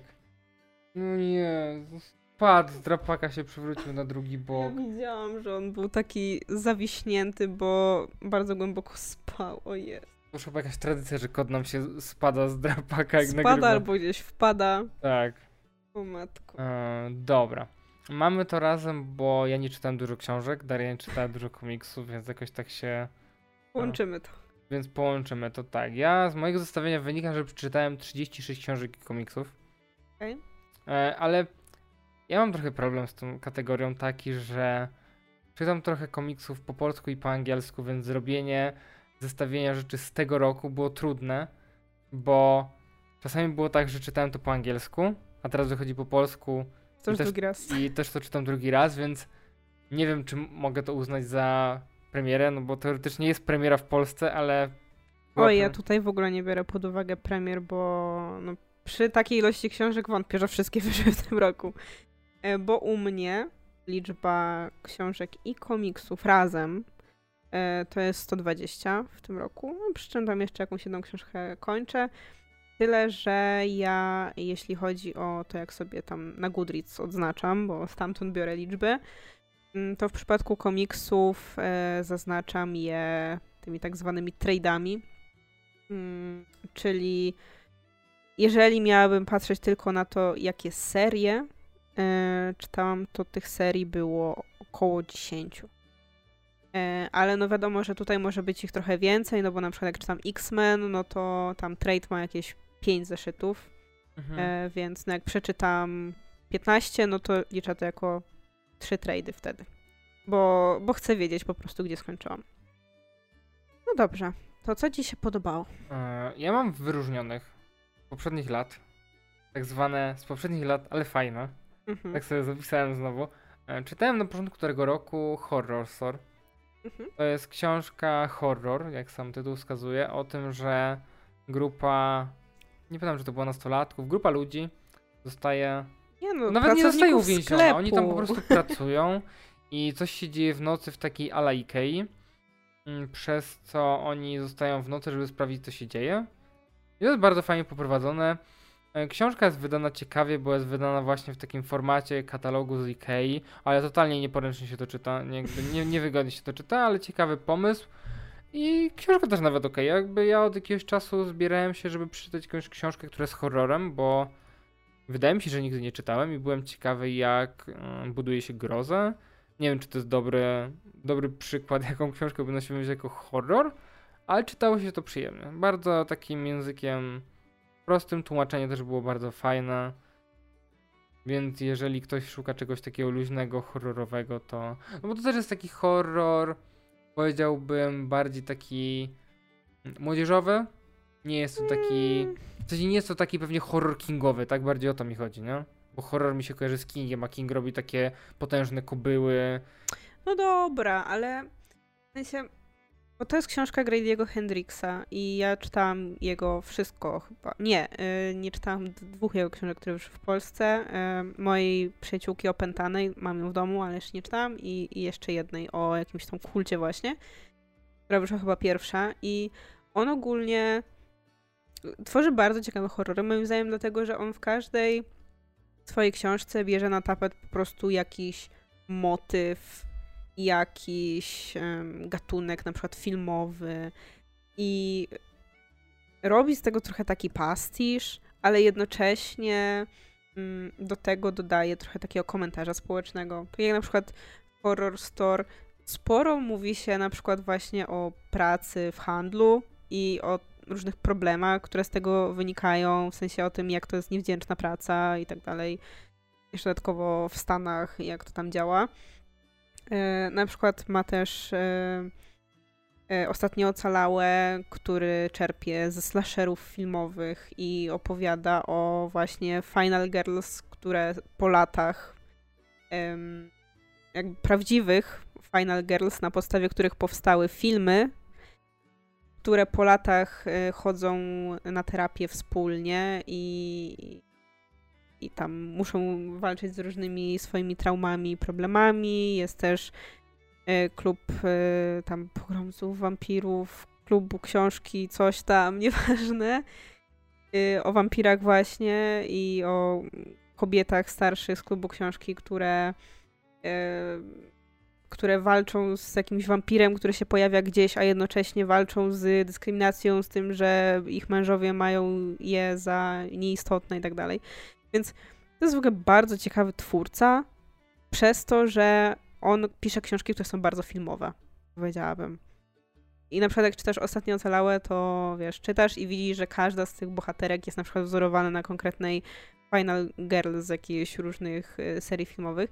Więc ja uważam, że to jest bardzo fajny właśnie horror taki na początek, jak ktoś lubi horrory filmowe. Bo wtedy przychodzi tutaj i dostaje książkę, która jest bardzo filmowa. I właśnie moim zdaniem największy też tutaj siła jego jest w tym, że on pod tą taką rozrywką przemyca kwestie społeczne. Więc to jest bardzo fajny twórca. I w ogóle mm, wyszedł też serial na podstawie właśnie jednej z jego książek, czyli tej mojej ym, przyjaciółki opętanej, też jest chyba na Amazonie dostępny. No dobrze, to dalej. Mówisz jeszcze, czy ja teraz? Możesz teraz ty. Yy, dobrze. Czyli jeśli chodzi o książki, e, no to tak, z początku roku na pewno muszę wyróżnić Czarne Słońce. Mm, to jest e, książka fantazy e, autorstwa Rebeki Ronhorst i doceniam ją bardzo dlatego, że ja mam ogólnie trudny czas, jeśli chodzi o czytanie jakichkolwiek serii. I ogólnie też jeśli chodzi o fantastykę jakoś w ogóle ostatnimi czasy. E, I jeśli chodzi o serię, no to zwykle jak już mamy przeczytać, to muszę przeczytać w całości, a jak przeczytam pierwszy tom i potem tak muszę czekać, to zwykle mi się odechciewa e, i zapominam, co tam się wydarzyło. Natomiast Czarne Słońce podobało mi się tak, że bardzo, bardzo, bardzo czekam na drugą część, dlatego że to jest przede wszystkim książka, która jest w, ma bardzo ciekawy setting, dlatego że to jest fantastyka, która jest osadzona w świecie takim inspirowanym prekolumbijską Ameryką Środkową, powiedziałabym. E, I to jest taka książka, która jest powiedzmy podzielona na dwie perspektywy. I od samego początku wiemy, że na samym końcu ma odbyć się pewne wydarzenie. I z jednej strony obserwujemy ludzi, którzy są w pewnym mieście, takiej metropolii i mają bardzo, są na wysokich pozycjach, oni przygotowują się do tego wydarzenia. Z drugiej strony mamy natomiast taką jakby powieść drogi, gdzie mamy bohatera straumatyzowanego przeszłością, którego który od dziecka wie, że jest przeznaczony do pewnej wielkiej rzeczy i on właśnie musi się dostać do tamtego miejsca, żeby w dniu tamtego wydarzenia w tym miejscu konkretnym się znaleźć. I pewna mm, taka żeglarka go tam właśnie doprowadza. I to jest książka, która ma niesamowity klimat. Właśnie przez to, w jakim miejscu jest osadzona, to jak kostiumy są tam opisywane, jak opisywane są te miasta, te wioski, jest takie mega żywe i mega mi się podobało. Sam początek też jest bardzo brutalny i taki, że wow, co tam się w ogóle dzieje. I trzecia bardzo fajna rzecz jest taka, że to jest książka, która jest queerowa, ale jest casualowo queerowa. Yy, czyli yy, znów przez to, że to jest też dorosła fantastyka, no to um, nie dotykamy tej kwestii, wiesz, odkrywania siebie i tak dalej, tylko queerowe postaci po prostu są. I tutaj jest sporo osób niebinarnych i to takich też różnorodnych. Tutaj w tłumaczeniu są używane różne um, formy gramatyczne w zależności od postaci, e, bo one też w oryginale różnych y, zajemków używają, więc y, bardzo spoko to jest, że jest niebinarność y, różnorodnie reprezentowana i mega mi się to podobało. Mega. Bardzo. Y, głównie właśnie ze względu na ten świat, który jest świetnie stworzony. Okej, okay, ja mam na swojej pozycji tutaj miejscem piątym e, książka. I to będzie ostatnia książka w tym zestawieniu. Okej. Okay. Bo jest to Jutro, Jutro i znów Jutro. Hmm, czytałem to jakiś czas temu, chyba w wakacje to czytałem. Tak, czytałem to w wakacje chyba. Hmm. I podoba, podobało mi się to, chociaż Ubolewam bardzo na tym, że to jest bardziej romans niż o e, tworzeniu gier, ale jakby jest to po prostu e, książka o tym, że mm, są twórcy gier, oni jakby robią gry, ale gdzieś tam w tle toczy się e, romans, czy tam bohaterowie. Tutaj mniej między sobą, jakby oni gdzieś tam od najmłodszych lat coś do siebie czuli, ale jednak tak się ich drogi potoczyły, że w sumie to nie do końca e, podczas tej książki byli razem. Są głównie przyjaciółmi. Tak, są głównie przyjaciółmi i jakby głównie przekonał mnie właśnie do tego, w jakim tutaj settingu jest to wszystko zrobione. Ja romansów nie lubię za bardzo. Jest to ok książka, ale właśnie przez to, w jakich tutaj okolicznościach dzieje się akcja, bo zakładam jakby, nie wiem, działa się, nie wiem, że ludzie, nie wiem, piszą książki razem, cokolwiek, to pewnie by mi się tak nie podobało. No tak, znaczy ja w ogóle nie traktowałabym tej książki jako romans. Ja też ją czytałam, ale... Jest to romans, oczywiście, że jest. Dla mnie to jest przede wszystkim książka o przyjaźni. W głównej mierze jest o przyjaźni i o tym właśnie, jak y, tworzenie gier, jak wspólna pasja łączy ludzi i właśnie nie odczytywamy jej jako romans, bo romanse dzieją się głównie w tle, gdzie nasi bohaterowie oczywiście mają jakieś tam swoje związki, ale to nie jest najważniejsze. Mm, ja też uważam, że to jest y, całkiem spoko książka, ale nie na tyle, żeby trafić do mojej piątki. Mm, dobrze, więc u mnie y, kolejna rzecz, no właściwie dwie rzeczy i wymienię je razem, dlatego że w pewien sposób poruszają one bardzo podobną tematykę, pomimo tego, że jedna z nich jest powieścią, a druga jest w sumie non-fiction, trochę memuarem, jak to się mówi. E, I te dwie książki to jest To ze mną jest problem, e, które wyszło w tęczowej serii wydawnictwa Dziwny Pomysł. To była ostatnia książka z tej serii, przy czym oczywiście to nie jest tak, że te książki są ze sobą połączone fabularnie, są książki z różnych krajów, zupełnie różnych autorów. Mm, po prostu są głównie z krajów skandynawskich, czy też nordyckich i są queerowe. Więc pierwsze to jest To ze mną jest problem, natomiast y, druga to jest y, w domu snów. I ta kwestia, mm, która łączy te dwie książki, to jest to, że w obu przypadkach mamy do czynienia z historią kobiet, które wchodzą w relacje z kobietami i w obu przypadkach dotyka ona relacji toksycznych. E, I w jednym przypadku mamy to ze mną jest problem, który jest taką młodzieżówką, trochę takim new adultem, e, właśnie o relacji, a właściwie opowiadane tak w sposób przeplatany y, w dwóch płaszczyznach czasowych. Czyli z jednej strony mamy bohaterkę, która jest już po zakończonej relacji, a z drugiej strony mamy wspomnienia z czasów, kiedy ta relacja jeszcze trwała, i wtedy odkrywamy, na czym ta toksyczność polegała i co tam się w tej całej relacji działo. Uważam, że jest bardzo dobrze napisana i bardzo wartościowa. Natomiast w Domu Snów to jest bardzo ciekawa książka, dlatego że właśnie mówię, ona niby jest non-fiction, ale tak naprawdę nie wiadomo, bo jest połączeniem mnóstwa rzeczy. Jest połączeniem eseju, jest połączeniem wspomnień, jest połączeniem jakichś fabularyzowanych momentów.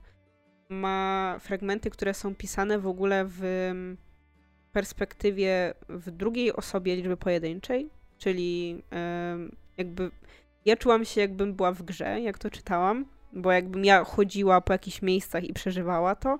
Jest fragment, gdzie jest w ogóle powieść paragrafowa, mnóstwo rzeczy tam się dzieje, ale generalnie opowiada ona o doświadczeniu autorki właśnie z jej związku e, z jej byłą partnerką, który był bardzo przemocowy.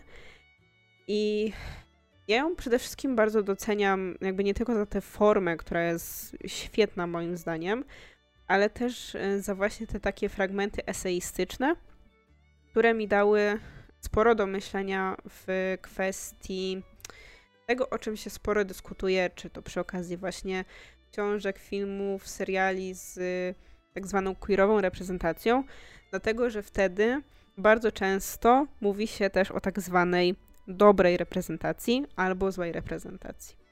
I ta książka dała mi właśnie dużo do myślenia w związku z tym, mm, jaka reprezentacja może być nazywana dobrą, dlatego że właśnie autorka zwraca tam bardzo dużą uwagę na fakt, że jeżeli chcemy, żeby wszystkie postacie queerowe, czy wszystkie związki queerowe, które się pojawiają w mediach, były dobre, idealne, poprawne, to może to sprawić, że ludzie nie będą poważnie traktować queerowych osób, które na przykład powiedzą, postanowią powiedzieć o tym, że w realnym życiu spotkały się z przemocą w swoim związku.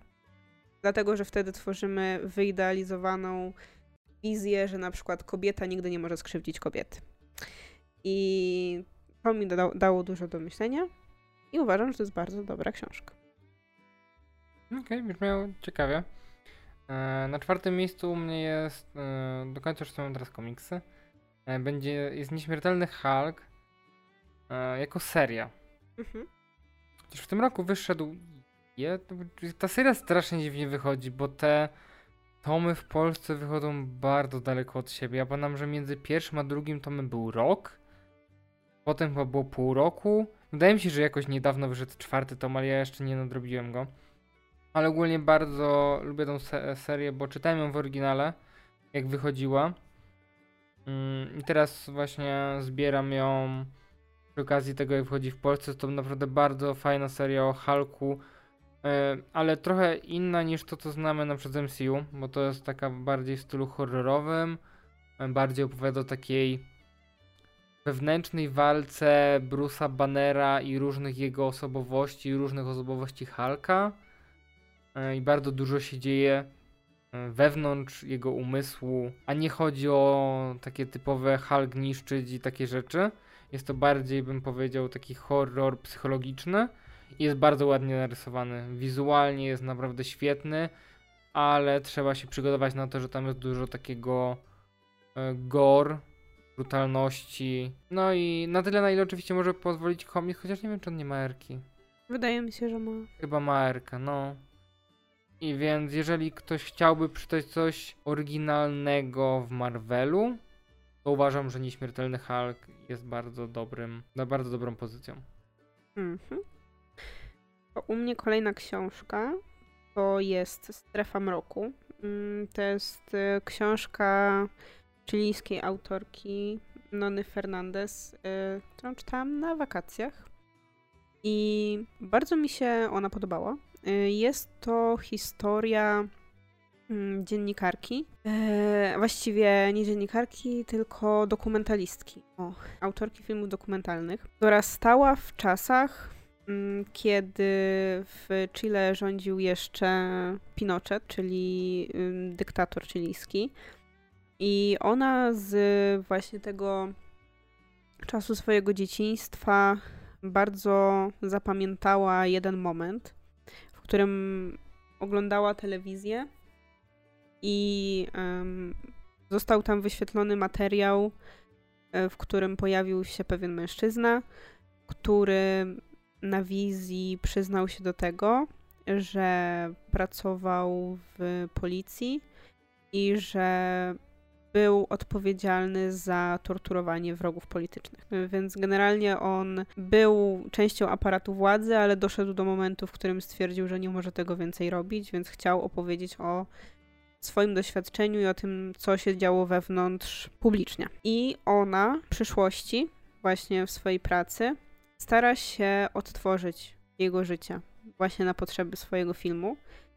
I bardzo ciekawe jest właśnie to, bo ten tytuł Strefa Mroku nawiązuje do serialu, czyli do The Twilight Zone, który u nas nie był tak bardzo popularny, ale właśnie bardzo ciekawe dla mnie jest to, jak bardzo w, tym, y, w tej książce zestawiana jest ta prawdziwa historia tego prawdziwego człowieka z kolejnymi odcinkami Twilight Zone, które ona ogląda a jest to antologia horrorowa, to tak bardzo pokazuje, jak ta rzeczywistość, obok której się żyje, może się momentami wydawać zupełnie nierealistyczna.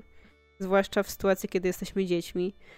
I te horrory, które dzieją się, wiesz, na przykład ulicę dalej, czy blok dalej, um, są zupełnie nierealne dla nas. Chociaż nawet jak jesteśmy dorośli, obserwujemy, co się dzieje w różnych miejscach na świecie i to się wydaje kompletnie nierealne, no nie? Że, że coś takiego może się wydarzać.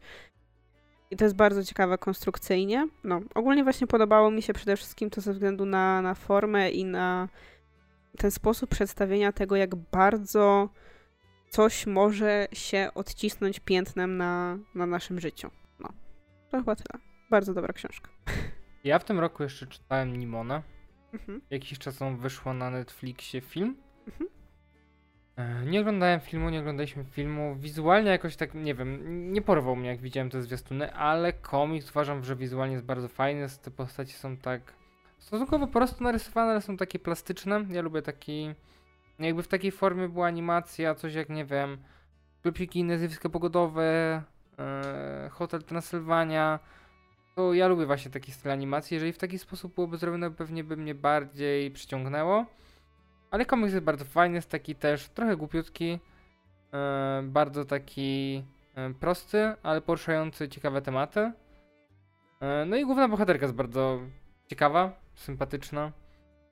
Yy jest zmiennokształtna, przez co też tutaj bardzo to wpływa na fabułę i jest elementem często tak e, humorystycznym. I ona też ma takie, bo ona jest dzieckiem, a chce być złoczynką, przez co też trochę inaczej postrzega świat, jakby tak bardzo, no jak dziecko, tak, więc e, jej pomysły na to, jak zwojować tutaj mm, świat i pomóc temu jednemu bohaterowi pokonać rycerza, nie jest to zabawne. Bardzo mi się to podobało. E, czytałem to coś dawno temu, ale kurde, chętnie bym sobie do tego wrócił, bo to było bardzo fajne. No może obejrzymy film. film. No, to nie jest głupio. No dobrze, to kolejna książka, już taka trochę mm, świeższa z końcówki roku. House of Hollow. Po polsku to wyszło jako Dom Sióstr Marnotrawnych, ja ją jednak czytałam po angielsku, bo to jest jeden z tych przykładów, kiedy kupuję książkę po angielsku i zaraz po tym, jak kupuję ją po angielsku, to pojawia się zapowiedź, że wyjdzie po polsku i potem zwykle jest tak, że ja jej nie zdążę przeczytać przed y, tą polską premierą, ale tym razem zdążyłam. Yy, przeczytałam ją jakoś, nie wiem, tydzień przed polską premierą po angielsku i bardzo, bardzo, bardzo mi się podobała. Yy. To jest młodzieżowy, można powiedzieć, horror, który opowiada o trzech siostrach, które w dzieciństwie wybierają się razem z rodzicami na święta do y, rodzinnych stron jednego z rodziców.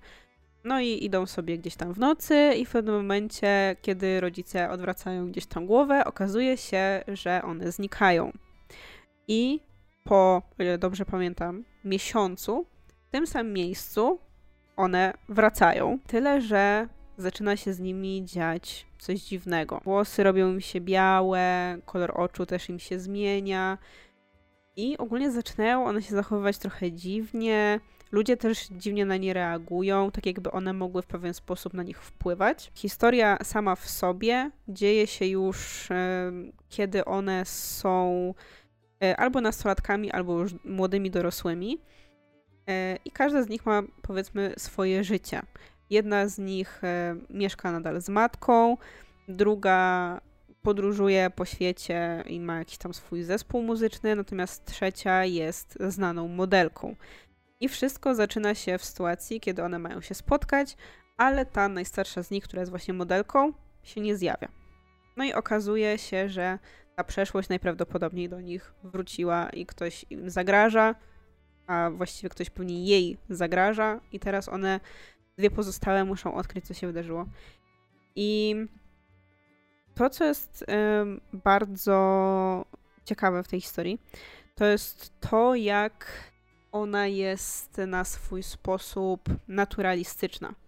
E, ma takie pewne elementy body horroru, które bardzo ciekawie się łączą z resztą, dlatego że z jednej strony mamy te bohaterki, które są opisywane właśnie jako takie właściwie nieziemsko piękne, bo one wyglądają bardzo naturalnie um, i przez to właśnie bardzo zwracają swoją uwagę, przez to właśnie jedna z nich jest supermodelką, bo, bo ma tak, y, wiesz, bardzo ciekawą urodę z tymi białymi włosami, z tymi ciemnymi oczami, a z drugiej strony wszędzie dookoła i gdzieś czasem z ich ciałem dzieją się rzeczy, które są takie zgniłe, takie mokre, takie stęchłe. W sensie, jak czytasz tę książkę, to ona ma właśnie taki klimat, że czujesz jakąś taką wilgoć, jakiś taki mech, jakieś mrówki, takie obrzydlistwa różne.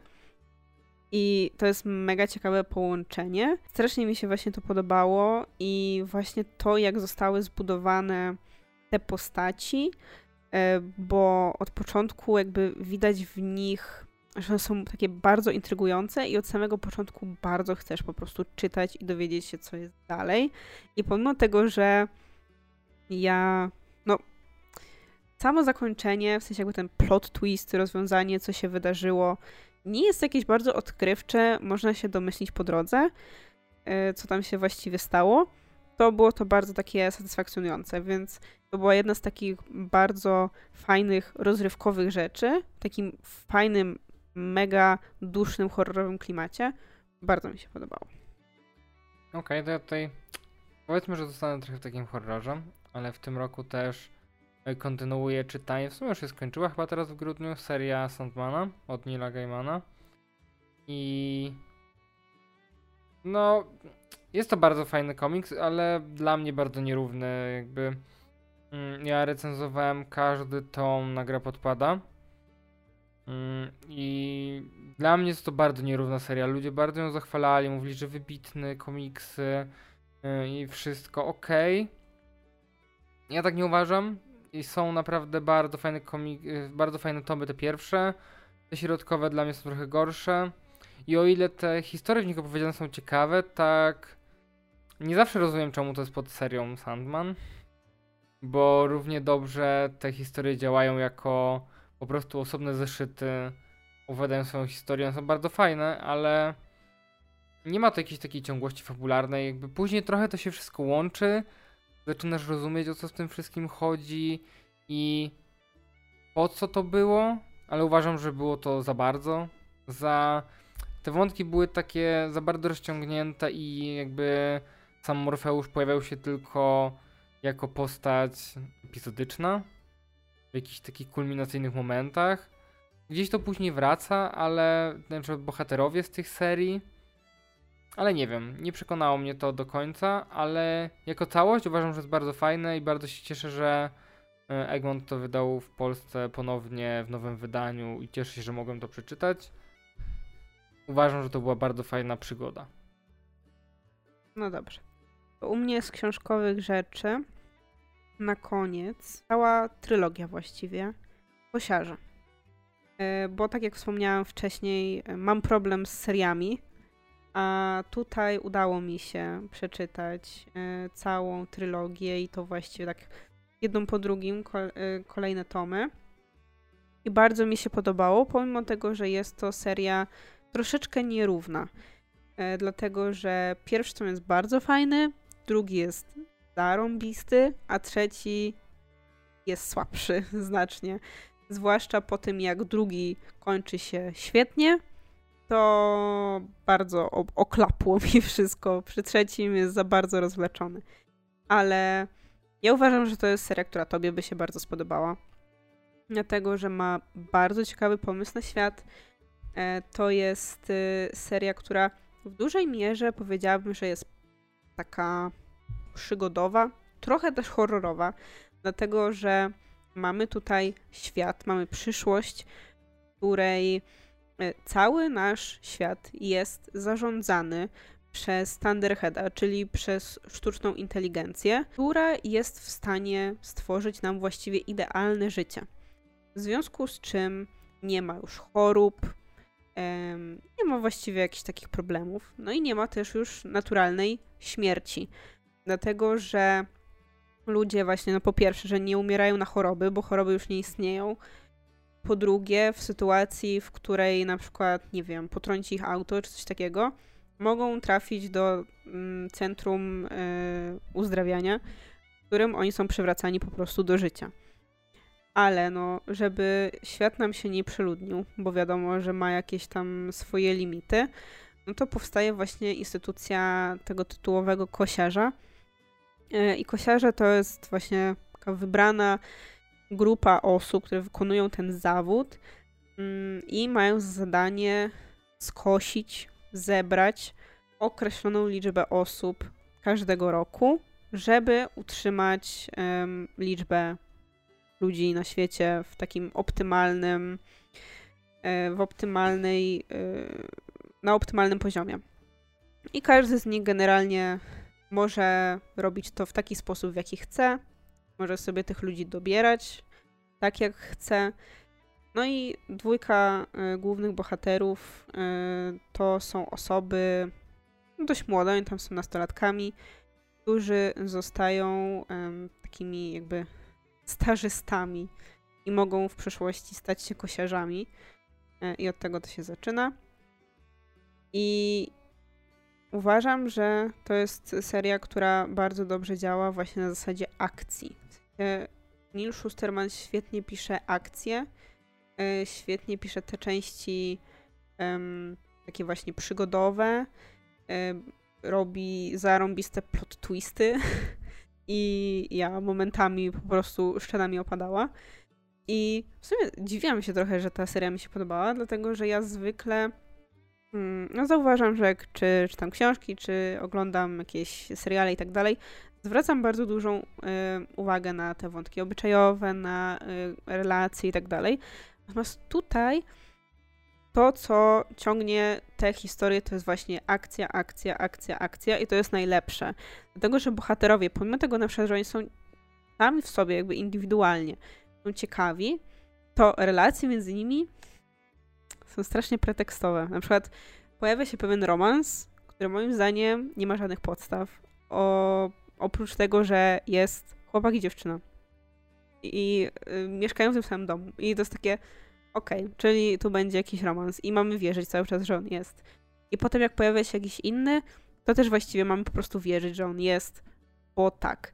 Więc Schusterman nie pisze dobrze relacji, moim zdaniem, i jakiś właśnie taki, wiesz, wątków romantycznych i takich rzeczy, ale tworzy przede wszystkim światy i po drugie akcje, które sprawiają, że naprawdę chce się to czytać i to wciąga. Dlatego jest mi bardzo smutno, że ta trzecia część była najsłabsza, no bo no to wiadomo, zostawia taki trochę niesmak na sam koniec, ale i tak bardzo dobrze będę tę serię wspominać i polecam ci też. Okej, okay, to u mnie top of the top komiksów, które wyszły w tym roku w Polsce, mhm. bo ja czytałem to w oryginale i byłem zachwycony. Nowe otwarcie X-Men, które zaczęło się od House of X i Powers of Ten, potem wychodziła główna seria, potem New Mutant, teraz Marauders, teraz niedługo ma jeszcze Wolverine. No, muszę powiedzieć, że Hickman wskrzesił X-Menów w Marvelu komiksowym niesamowicie dobrze. Nie wiem na ile ta seria i ogólnie te serie są przystępne dla osób, które nie znają X-Menów, nie czytali, nie oglądali filmów, e, bo jest tutaj bardzo dużo polityki, bardzo dużo takiego kontekstu, czemu w ogóle mutanci wyprowadzają się na Krakoę, czemu w ogóle tego chcą. To jest bardzo ważny wątek. Mm, ale jeżeli ktoś nie czytał, albo dawno nie czytał komiksów, albo nie wiem, nigdy nie czytał komiksów, na lubi filmy X-Menów, to bardzo polecam, bo jest to naprawdę bardzo dobrze napisane po prostu. I ja bardzo żałuję, że Egmont w Polsce wydaje tak wybiórczo e, te komiksy. Mimo z tego co patrzyłem, co oni chcą wydać, to wydają głównie to, co pisał Hickman, a Hickman pisał na początku dużo, później mniej. Zastanawiam się, jak później chcą to ograć, bo wydaje mi się, że New Mutants w ogóle nie wyjdzie już więcej. Mhm. Albo w najbliższym, w najbliższym, dłuższym czasie, że tak powiem, bo Hickman już chyba później pisał New Mutants, albo pisał trochę, więc szkoda, bo jest naprawdę dużo fajnych serii, ale zakładam, że te główne wyjdą. Z ostatnich takich, jak czytałem w oryginale, to na przykład Immortal X-Men jest super, bo opowiada o działaniu tego, tej cichej rady. Jest mhm. bardzo fajna seria. No i X-Men Red, ale tylko dlatego, że tam jest Storm główną bohaterką, a ja po prostu uwielbiam Storm. Storm jest tak super postacią. E, ale żeby nie było, że tak tylko słodzę tym X-Menom. ale ja jeszcze chciałam. E, ale to ja tylko ostatnią rzecz. To jest e, jedna rzecz, którą ostatnio przeczytałem, która mi się nie podobała, to jest Knights of X. E, bo to jest kontynuacja w sumie też serii, której jej nie czytałem, Excaliburu. Więc tak naprawdę przeczytałem tą serię i z tego co czytałem komentarze, to ta seria została anulowana, przez co scenarzysta musiał chyba napisać dwa zeszyty, przepisać dwa zeszyty w jeden i to trochę widać, że to się tak, jakoś tak dziwnie skończyło, więc no jest to takie sobie.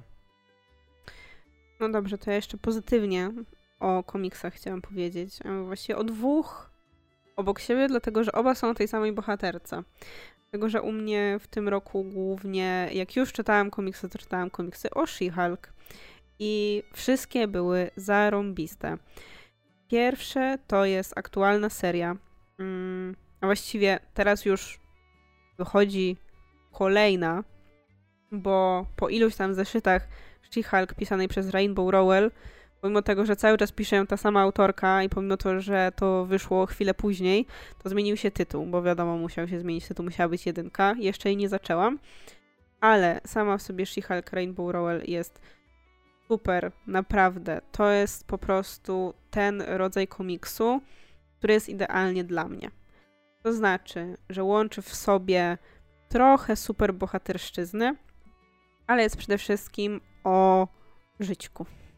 jest bardzo o żyćku. Jest o tym, że She-Hulk chodzi do pracy. Jest o tym, że She-Hulk ma nowego faceta i ma trochę problem, bo on pożera energię atomową. Inne takie rzeczy. Nor normalne sprawy, wiadomo, w życiu. I jest strasznie uroczy. Jest mega zabawny nie mogę cały czas z tego, że u niej w pracy jest gość, który jest jakimś, nie wiem, jakimś asystentem, który zamiast głowy ma wielkiego pustaka i przez to nie może mówić i wszystko zapisuje na karteczkach. Ale jest strasznie urocze, więc dla mnie jest bardzo zabawna seria. Będę ją na pewno kontynuować dalej. Jest super błyskotliwa i She-Hulk jest super. I tak samo super jest też um, to wyszło w tym roku e, w serii Marvel Classic od Egmontu. E, zjawiskowa She-Hulk.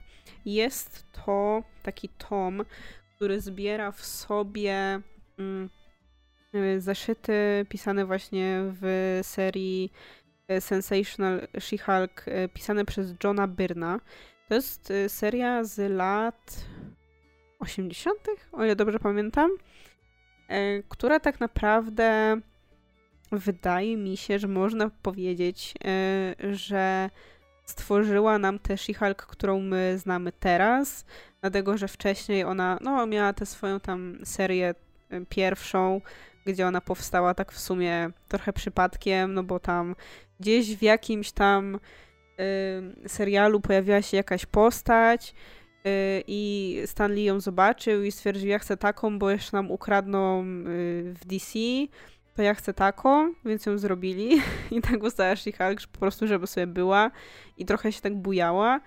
No i w pewnym momencie trafiła do Fantastycznej Czwórki, którą rysował John Byrne i on wtedy stwierdził, że on ma na nią pomysł. I on i narysował, i napisał y, całą tę serię i jest ona prześwietna, dlatego że ona jest satyrą na rynek komiksowy. I jeśli ktoś na przykład się zastanawia, jak to się stało, że She-Hulk w tym ostatnim odcinku swojego serialu nabija się z Marvela na przykład, no to wszystko właściwie bierze się stąd. Tylko różnica jest taka, że no komiks robi to trochę lepiej, dlatego że robi to regularnie. Znaczy, że to przebijanie czwartej ściany, to robienie sobie żartów e, z całego procesu tworzenia, z tego, jakie pojawiają się w komiksach schematy, to, w którym zeszycie musi się pojawić, nabijanie się na przykład z kodu tam Comic Code Authority, nie pamiętam jak się nazywało, który w tamtych czasach y, zatruwał życie biednym komiksowym twórcom. Nabijanie się z tego, że Marvel nie płaci twórcom, albo nabijanie się z tego, że rysownik XYZ, y, nie wiem, rysuje jakieś powyginane baby było bardzo regularne. Tam w każdym kolejnym zeszycie. No i generalnie cała, cała ta seria jest bardzo komediowa, dlatego że She-Hulk no właśnie nie tylko spotyka na swojej drodze bardzo, bardzo dziwnych złoczyńców, w sensie turbo dziwnych, na przykład nie wiem, chłopa, który ma zamiast głowy dzwon, i który walczy z głupimi treściami dla dzieci w telewizji. Albo na przykład jak trafia do cyrku, albo ktoś chce jej ukraść głowę, albo y, spotyka świętego Mikołaja i inne tego typu rzeczy. Y, I dodatkowo ona jednocześnie dyskutuje cały czas ze scenarzystą swoim na kartach komiksu, więc ja się super bawiłam. I to jest, nie wiem, to ma 300 stron. Ja to przeczytałam w jeden wieczór.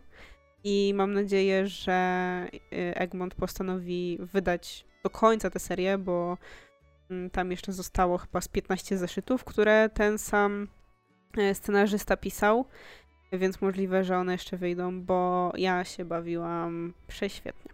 Masz coś jeszcze o książkach? Mam mech. Tak, co mi się nie podobało. Okej, okay, to możesz mówić, bo ja nie przeczytałem w tym roku żadnej kiepskiej książki, no bo Zazwyczaj jak już coś czytam, to z rekomendacji. E, to tak. Trzy rzeczy, których słuchałam e, właściwie na początku roku i które łączy w sobie w sumie to, że bohaterowie byli strasznie irytujący. I przez to mi się nie podobało. Pierwsza książka to jest Odmawia myślenia. To jest książka y, norweskiej autorki, która opowiada o głównie kwestiach związanych z aborcją. I jakby miała ją streścić w dwóch zdaniach, to jest ona o tym, że bohaterka zachodzi w ciążę i musi i chce mm, wykonać aborcję, ale dostaje jakby polecenie, bo takie jest prawo, że powinna teoretycznie chyba poczekać, nie wiem, 48 godzin, coś takiego, żeby pomyśleć i żeby wtedy wrócić i podjąć tę decyzję, a ona stwierdza, że nie będzie myśleć, i potem robi cały stos jakiś głupot, zjeżdża całą Europę i ostatecznie, ja nawet nie pamiętam, czy ona ostatecznie tą aborcję przeprowadziła, czy nie, ale było, było tam pomysły, bo poruszało to pewne kwestie związane, nie wiem, z mm, tym, że na przykład nie wszyscy w Norwegii są super bogaci i może być trudno y, tam się utrzymać i w tym właśnie ona jaki ma duże problemy w pracy, ale była po prostu Nie do zniesienia. Druga to jest The Cheat Sheet. To jest książka, którą ja słuchałam w Sylwestra dosłownie, ubiegłego, ubiegłorocznego, jak sobie grałam w Simsy. I zaczyna się ona od tego, że znaczy mamy, to jest taki romans, gdzie jest dwójka ludzi i oni się przyjaźnią od lat i oni oczywiście się w sobie kochają, ale nigdy sobie tego nie powiedzą. I zaczyna się od tego, że bohaterka mm, wie o tym, że ten jej przyjaciel ma jakąś dziewczynę i ona przychodzi tam do niego, bo oni, nie wiem, biegają sobie razem czy coś takiego i jest po prostu tak nieznośna w stosunku do tej jego dziewczyny. Jest po prostu taką po prostu nieznośną kobietą. W sensie rzuca tyle jakichś obraźliwych tekstów w stosunku do jakiejś zwykłej po prostu dziewczyny, z którą on się spotyka. I cała jej frustracja wynika z tego, że ona sama po prostu z nim nie potrafi porozmawiać i powiedzieć mu, że on się podoba. I w związku z tym ona w swojej głowie się wkurza, że on z kimś innym jest, pomimo tego, że on nie wie, że ona mu się podoba. Nie mogłam tego znieść. Trzecie to jest Urugwajka. Opowiada historię chłopa, który na jeden dzień jedzie z Argentyny do Urugwaju, żeby coś załatwić i spotkać się ze swoją kochanką. Nie wiem, zupełnie to było nieznośne, nie mogłam słuchać tego chłopa i tego, jak sobie wyobrażał, że ta baba będzie przeżywała, jakie on ma piękne przyrodzenie. Sorry. Y, kolejna rzecz to jest Crave. Też opowiada o strasznie wkurzającej bohaterce. To jest y, książka taki young adult o wampirach i jest o tym, że bohaterka jedzie do szkoły na Alasce i co trzy zdania mówi, że jest na Alasce i umarli jej rodzice i poznaje chłopa i on jest wampirem i ona od razu się w nim zakochuje i pomimo tego, że on jest pajacem i robi różne rzeczy, ona już od samego początku twierdzi, że on musi być najlepszym człowiekiem na świecie, bo on jej się podoba i jak dzieją się, nie wiem, po tygodniu ona już jest po prostu pewna, że oni będą ze sobą do końca świata, wszyscy są jej przyjaciółmi. Tak, tak mnie denerwowała, ale przeczytałam drugi tom i czekam na trzeci. I ostatnia rzecz to są Władcy Chaosu. Czyli, tak jak mówiłam, wraca temat black metalu.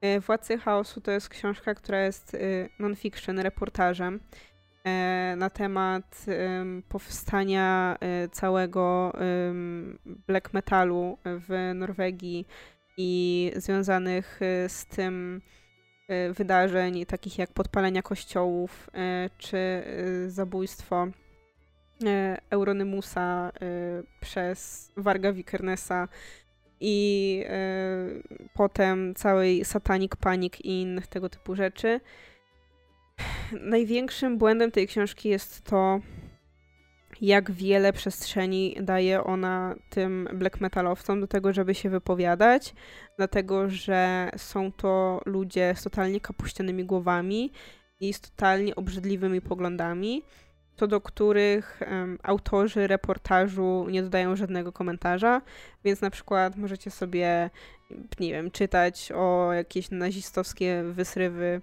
Warga Wikernesa przez kilka stron. Tak po prostu. Jakby, nie wiem. Większość tych bohaterów tej książki jest po prostu głupich. Dlatego, jeśli chcecie to poznać, to obejrzyjcie sobie film Władcy Chaosu, który się z nich nabija. Dobrze. Okay. Czy masz jakieś oczekiwania książkowe? Nie. E, a komiksowe? Nie, dalej będę chciał nadrabiać tych X-Menów po prostu. W oryginale na pewno, no i kontynuować te serie, które e, czytam aktualne. Czyli w sumie tego nieśmiertelnego Hulka. Główne. Okej, okay, no to ja książkowo mam kilka y, takich zapowiedzi, które już widziałam i które na pewno chcę przeczytać. Pierwsze to jest Gorąca Gwiazda. To jest kontynuacja Czarnego Słońca, więc wiadomo, wychodzi w lutym. Druga rzecz to jest coś, co wychodzi chyba teraz zaraz w styczniu. To się nazywa Divine Rivals. I to jest takie fantazy, ale romans i w formie listów pisane, w trakcie wojny. I widziałam y, opinie na ten temat na booktubie anglojęzycznym i brzmi jak coś totalnie dla mnie. Y, kolejna rzecz y, to jest Our Wives Under the Sea, czyli żony pod wodą. Y, to wyda Poznańskie jakoś w tym roku. Słyszałam o tym y, dużo dobrego, to jest też takie fantastyka romansowa, więc jestem ciekawa. Kolejna rzecz od poznańskiego to jest All's Well Mony Awad. Jestem ciekawa głównie dlatego, że czytałam Bunny, czyli e, Króliczka, którego też wydali w tym roku. E, I bardzo mi się podoba to, co ta autorka ma w głowie. Kolejna rzecz, tutaj jestem zainteresowana głównie dlatego, że to jest y, duńska książka dla młodzieży i był to podobno tam duży hit.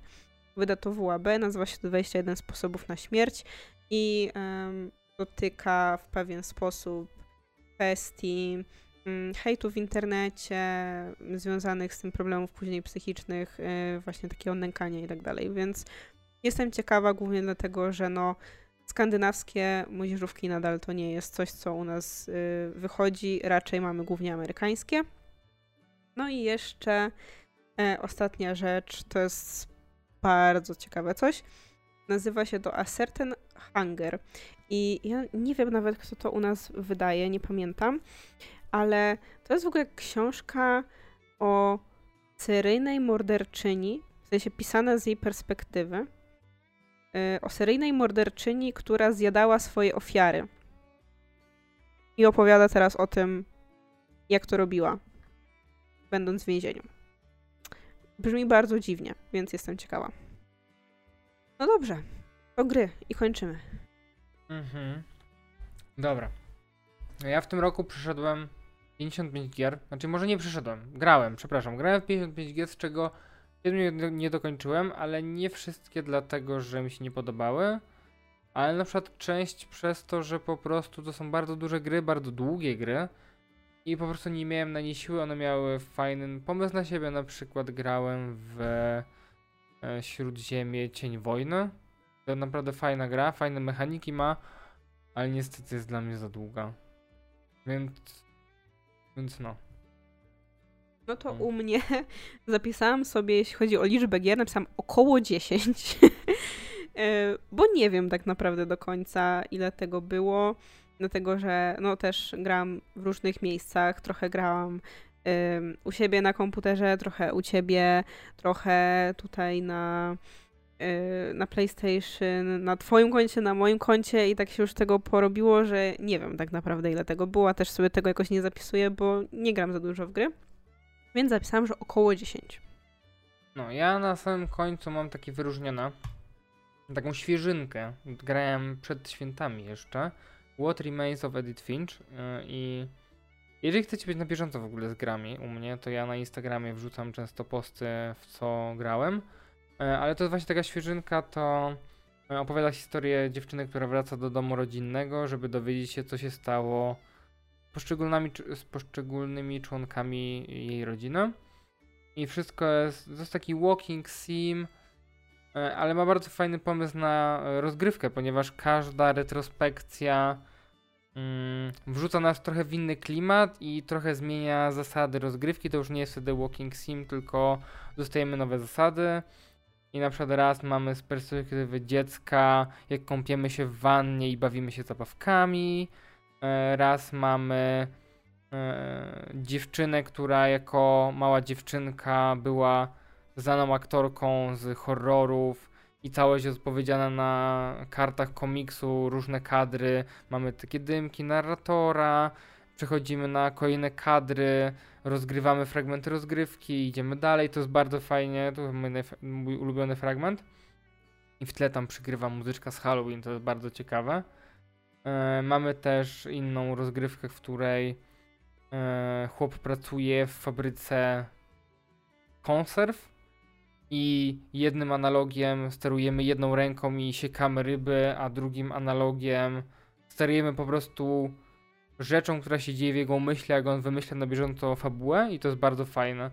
I gdyby nie gdyby nie ten ta różnorodność gameplayowa, to wydaje mi się, że ta gra nie zrobiłaby na mnie aż takiego wrażenia. Właśnie, gdyby to był taki typowy walking sim, w którym po prostu chodzimy od miejsca do miejsca i nie wiem, próbujemy się dowiedzieć, co się wydarzyło, to by nie było takie fajne. Ja pamiętam, że grałem w polską produkcję Zaginięcie Tina Cartera i tam właśnie tam trochę, trochę tak było, że było się detektywem, się chodziło po prostu z miejsca na miejsce, odtwarzało różne e, miejsca zbrodni I to nie było takie fajne. W sensie było ok, ale bez szału. Co mogę wyróżnić?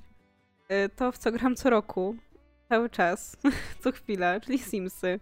Ja ciągle gram w Simsy 4 i stwierdziłam, że no bez przesady. Nie będę tego wrzucać do mojego top 3, bo aż tak dużo dobrych y, bardzo rzeczy nie grałam. Ale to w przyszłym roku wychodzi ta gra od Paradoxu, ten konkurent Simsów. To może będziesz miała wiele okazji, żeby spróbować czegoś innego, może będzie lepsza. Może, może. Yy, no, ale Sims yy, to, jest, to jest żyćko jednak. Mam, mam te swoje fazy, mam już ponad 1600 godzin przegrane, więc to jest to. No dobrze. To jak już mam przechodzić do topki, to e, chciałabym wyróżnić przede wszystkim Lake. Bo ja w tym roku odkryłam, że jestem w stanie grać w dwa typy gier.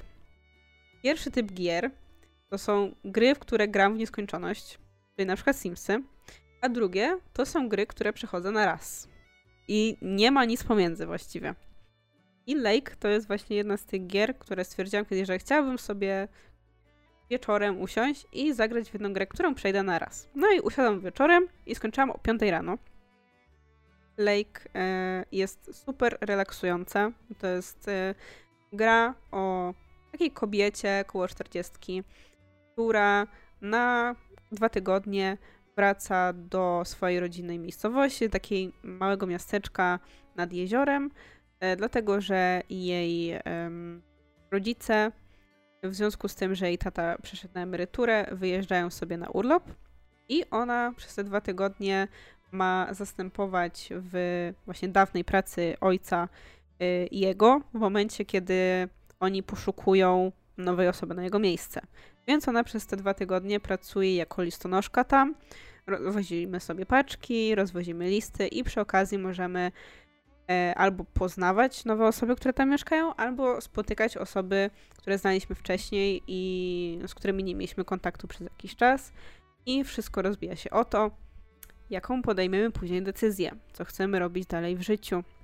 Bo to jest właśnie taka gra, która ma trochę odpalić taką nostalgię i stawia nas na takim rozdrożu, jakiego życia chcemy dalej i tak dalej. Jest bardzo relaksująca. Samo to rozwożenie paczek dla mnie było bardzo takie chillowe, jest fajna muzyka, ładne wizualia. Pomimo tego, że to jest bardzo prosta gra pod względem takim graficznym, ale dla mnie była bardzo, bardzo przyjemna. Mm, ja w tym roku szedłem w końcu Alana Wake'a, wersję zremasterowaną, bo teraz w sumie niedawno wyszła druga część, ja też kiedyś grałem w Control, Control mi się bardzo podobało, to z tego samego studia. Mm, gdzieś tam później powiedzieli, że to się dzieje w tym samym uniwersum. E, Alan Wake jest bardzo fajną grą pod względem fabularnym. Naprawdę to jest taki jeden z fajniejszych horrorów psychologicznych, jakie miałem okazję grać. Niestety gameplayowo wygląda jakby tworzyli to zupełnie inni ludzie. Dla mnie się to w ogóle nie zgrywa. Gameplay jest bardzo nudny, bardzo powtarzalny. Głównie polega na tym, że chodzimy po różnych lokacjach i e, zabijamy różne zjawy, które gdzieś tam spotykamy. I gdzieś po drodze musimy znajdować amunicję, pilnować się światła, bo Alan czuje się bezpiecznie w świetle, więc nie wiem, ten gameplay jest dla mnie bardzo kiepski, jest najgorszą rzeczą w tej grze, bo fabularnie jest super, więc jeżeli kiedyś w sumie mógłby wyjść film na podstawie tego? Ja mam pytanie teraz. Czemu to jest w top 5? Skoro jedna z dwóch najważniejszych rzeczy ci się zupełnie nie podobała, czyli e, gameplay. Właśnie dlatego, że zrobił na mnie wrażenie pod względem fabularnym. Okej. Okay.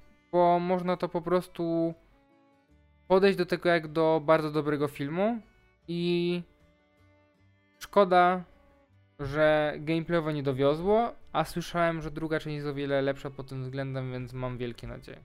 Mhm. No to druga u mnie gra z rodzaju takich króciutkich na jeden raz, która mi się bardzo podobała. To jest I Am Dead. I to jest y, taka gra, w której wcielamy się w ducha y, kustosza muzeum na takiej małej wyspie, który odkrywa, że tej wyspie grozi bardzo duże niebezpieczeństwo. W związku z tym trzeba znaleźć kolejną osobę, która będzie takim strażnikiem wyspy. No i strażnikiem wyspy może zostać inny duch. W związku z tym naszym zadaniem jest e, szukać różnych duchów zmarłych e, mieszkańców tej wyspy. Potem musimy odkrywać wspomnienia na ich temat innych osób, które ich wcześniej znały. No i w ten sposób właśnie poszukujemy tego nowego strażnika i odkrywamy całą mitologię wyspy. Jest to bardzo też znów takie relaksujące, bardzo przyjemne, bardzo ładne wizualnie. Bardzo mi się podobało. I jest jeszcze krótsza niż Lake. Okej. Okay. Eee, to kolejna gra, którą nadrabiałem przed drugą częścią, która wychodzi w przyszłym roku. E, Frostpunk polskiego studia. E, I muszę przyznać, że podchodziłem do tej gry tak sceptycznie, bo ja nie przepadam za bardzo za mm, city builderami. A właśnie to jest taka gra, która polega na tym, że zostajemy wrzuceni w katastrofę. Na świecie jest bardzo zimno i robi się coraz zimniej. No i naszym zadaniem po prostu jest budowanie nowego miasta wokół takiego wielkiego pieca, który też musimy utrzymać w nim temperaturę, żeby jak najdłużej przeżyć. No i też musimy zapewnić wszystkim mieszkańcom domy, jedzenie, e, no i rozwijać technologię, bo przez to, że jest coraz zimniej, no to musimy coraz lepiej ocieplać, coraz lepsze domy ludziom budować takie rzeczy. E, I znowu, jak w kolejnej grze tego studia, bo wcześniej oni robili This War of Mine, też e, bardzo duży nacisk jest postawiony na wybory moralne, typu nie wiem, czy dzieci będą jednak spędzać czas w świetlicach, czy się do niczego nie przydadzą, ale będą miały fajne dzieciństwo, czy jednak dzieci będą pomagały w pracy, no ale przez to nie będą miały dzieciństwa, tak? Albo czy, nie wiem, podtrzymujemy życie ludzi, jak są chorzy, ale przez to zajmują miejsca w szpitalu, albo po prostu amputujemy ludziom kończyny, przez to nie zajmują miejsc w szpitalu, ale są niepełnosprawni, więc najlepiej byłoby wynaleźć technologię Mm, jak to się nazywa? Protest? Protest, tak, żeby mogli wrócić do pracy, no bo jak nie wrócą do pracy, to będą się coraz gorzej czuli psychicznie i będą popełniać samobójstwa. Więc jest to bardzo fajnie rozegrane, dużo takich różnych scenariuszy może się tam wydarzyć. E, jest to bardzo duże wyzwanie. Ja chyba pierwszy scenariusz gry przeszedłem, nie pamiętam którym, 27 razem. Ale mam wrażenie, że im więcej w tą grę grałem, tym mniej zwracałem uwagę na wybory moralne. Po prostu mniej więcej wiedziałem, co jest najbardziej opłacalne gdzieś tam z punktu widzenia, żeby przeżyć jak najdłużej. Ale mimo wszystko uważam, że jest bardzo fajnie gra zrobiona. I wizualnie, i gameplayowo bardzo wciąga. Mhm. No to u mnie e, taka osta ostatnia wyróżnienie z tego roku. To jest moje najnowsze odkrycie i to jest yy, podobnie jak Simsy gra z gatunków, które można grać 150 lat chyba. Yy, na Game Passie znalazłam Coral Island. Jest to gra, którą aktualnie katuję i to jest yy, no taka historia, w której wcielamy się w farmera, farmerkę, jakkolwiek chcecie, bo sobie tworzymy postać i przyjeżdżamy na wyspę koralową właśnie, znowu wyspa, e, gdzie mamy przejąć właśnie miejscową farmę, ale oczywiście to uprawianie e, roślinek to nie jest jedyna rzecz, którą możemy się zajmować, bo oczywiście możemy poznawać ludzi miejscowych, ale jest też dużo innych aktywności. Mm, powiedziałabym, że e, są podzielone raczej na takie trzy części. Z jednej strony mamy taki e, wątek podwodny, czyli możemy udawać się na dno oceanu i je czyścić, i tam potem pewien wątek się tworzy. E, drugi to jest taki wątek mistyczny związany z wyspą, z pewnymi takimi totemami, różnymi rzeczami i tak dalej.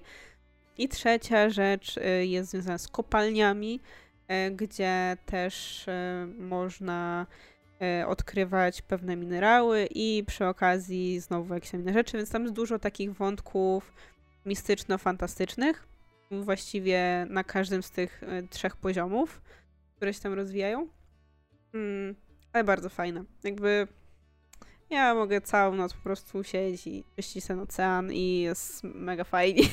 Jak Darem mi opowiadał tej grze, to ja totalnie czuję, jakby to była jakaś inna wersja Stardew Valley, naprawdę.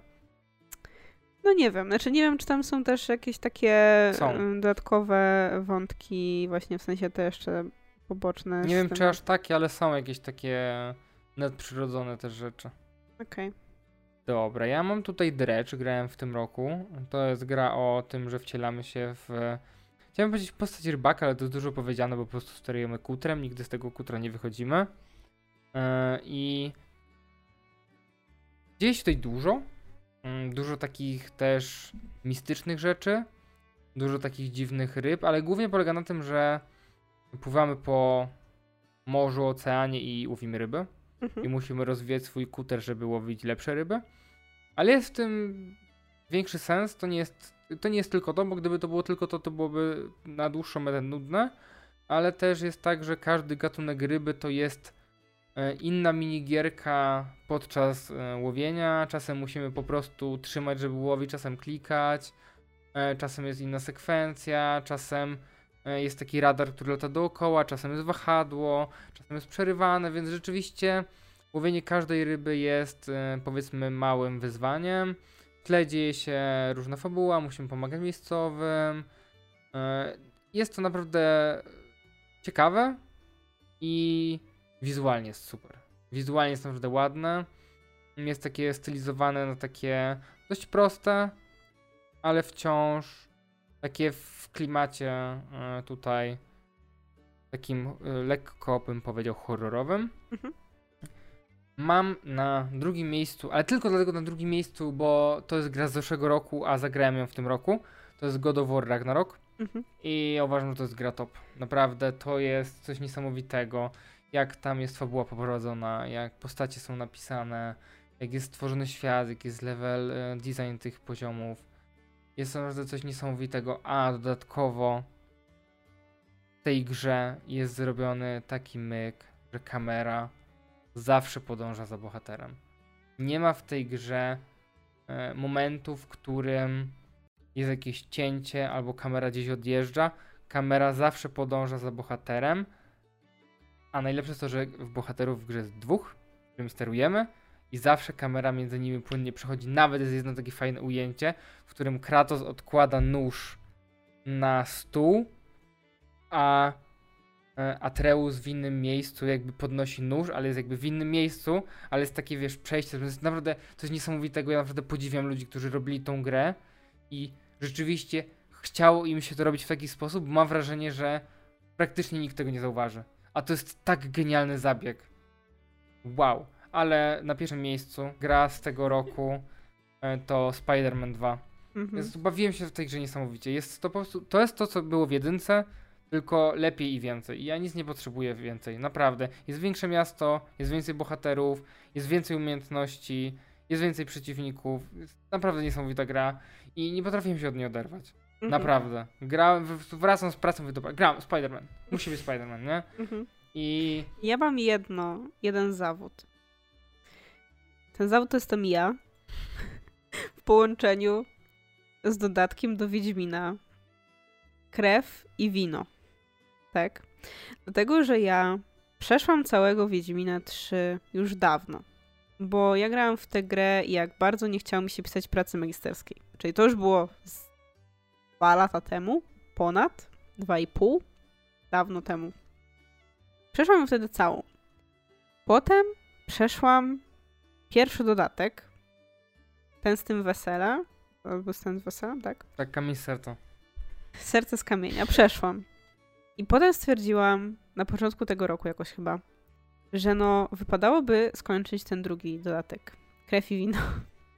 Ale nie jestem w stanie go przejść, bo jest dla mnie za trudny.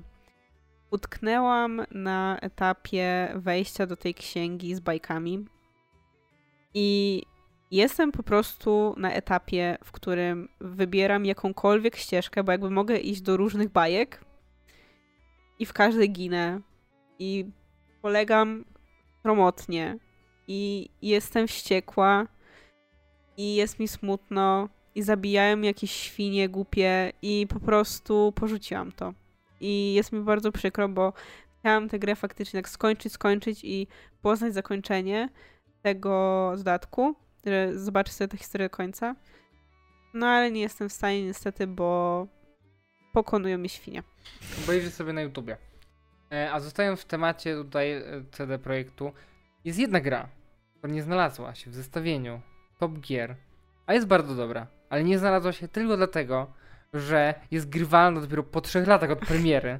Jest to Cyberpunk wersja 2.0. I przeszedłem tą grę w tym roku właśnie po tej aktualizacji 2.0, po tym jak wyszedł dodatek. I jaka szkoda. Naprawdę wielka szkoda, że dopiero teraz ta gra jest tym, co obiecywali twórcy na premierę. Bo to jest naprawdę kawał solidnej produkcji, fabularnie. Wydaje mi się, że najbardziej mi szkoda jest scenarzystów tej gry, bo fabularnie jest naprawdę niesamowicie. Postacie są napisane bardzo fajnie, świat, e, cała ta historia mm, tutaj tego miasta, jakieś poboczne wątki, no wszystko jest naprawdę tak dobrze i tak szkoda, że technicznie ten, ta gra nie dowiozła, naprawdę. Współczuję, naprawdę współczuję i ludziom właśnie, no ale też po prostu ludziom, którzy tworzyli tą grę, bo zakładam, że niestety mm, z racji tego, że to spółką na giełdzie i mogli wypuścić tą grę, nie mogli, wiesz, opóźniać w nieskończoność, bo premie i te sprawy, e, to niestety musieli ją wypuścić w takim stanie, jakim e, tutaj e, wszyscy słyszeliśmy, że no no nie, nie dowiozą. No ja na przykład trafiałem na takie błędy, które unie, uniemożliwiały mi ukończenie gry, co jest jakby najgorszym możliwym błędem. No nie ma nic gorszego niż błąd, który uniemożliwia ci skończenie gry. No po prostu nie ma. To jest błąd krytyczny. Takie coś powinno być wykryte na testach i nie powinno tej gry. Jakby nie mogliby tej gry wypuścić. Więc jakby dla mnie to jest po prostu. No, skandal. Ale no. Ale aktualnie jest bardzo fajna, więc jeżeli ktoś chciałby, to polecam. Bo. I, i to jest Ostatnio miałem rozmowę a propos tej gry, że to jest naprawdę jedna. Ja nie znam chyba drugiej gry, której w tak dużej produkcji sterujemy główną postacią, której celem nie jest uratowanie świata. Mhm. Tylko ona chce uratować siebie przed śmiercią. I to jest coś innego, naprawdę. Jakby nie zdarza się to w grach. Zazwyczaj jest, wiesz, takie wielkie, musisz być tym bohaterem świata, musisz ratować, wiesz, cały świat przed wielkim zagrożeniem. Nie, tutaj po prostu chcesz uratować siebie przed śmiercią i to jest naprawdę bardzo fajnie odegrane. I bałem się o Johnego Silverhanda, jak on wypadnie, jest naprawdę świetny. I e, mimo, że grałem z polskim dubbingiem, to nawet mi nie przeszkadzało, że słyszałem głos Kto mu podkłada? Żebrowski. Żebrowski, właśnie. To jest bardzo, bardzo charakterystyczne, nie? Tak, nie wiem czemu chciałem powiedzieć Pazura. Ten, ten brat, nie Cezary. Okay. Nie mam pojęcia, ale no, Żebrowski, kurde, naprawdę. Ja widziałem e, Keanu Reevesa, a słyszałem Żebrowskiego. Ta sama osoba. Pasował mi ten głos, naprawdę. Okay. No, więc y, to tyle z takich rzeczy. Wypisałem sobie parę gier, na które czekam. A nie masz rozczarowań? E, nie, mam tylko jedną grę, którą w sumie kiepsko mi się grało, nawet nie przeszedłem pierwszego poziomu, to było Heavy Bodies.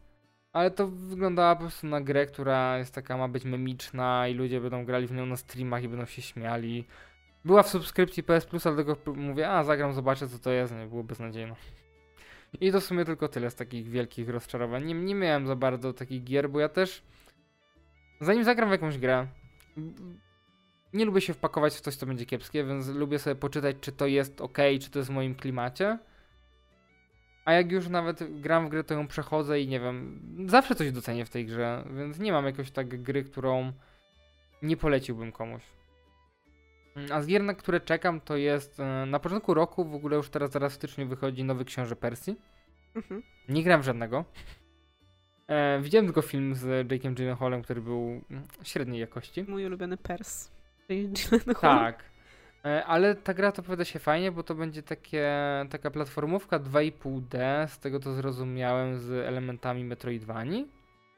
Więc są rzeczy, które gatunkowo mi się podobają, więc może być to coś ciekawego. Mam nadzieję, że nie będzie tak trudne jak Hollow Knight. Mhm. E, no i w sumie głównie mam kontynuację, bo mam Frostpunka dwójka, jedynka była fajna, dwójka zapowiada się bardzo fajnie. E, jest Hades 2, i też kontynuacja e, roguelite'a, który ma bardzo, bardzo ładnie wygląda. I ogólnie wszystkie gry od tego studia są świetne, więc e, polecam. Będzie Little Nightmares 3. To też jest horror, który trafiłem totalnie przypadkiem, ale właśnie to jest taki też horror stylizowany, bo to nie jest taki realistyczny, tylko taki bardziej bym powiedział baśniowy.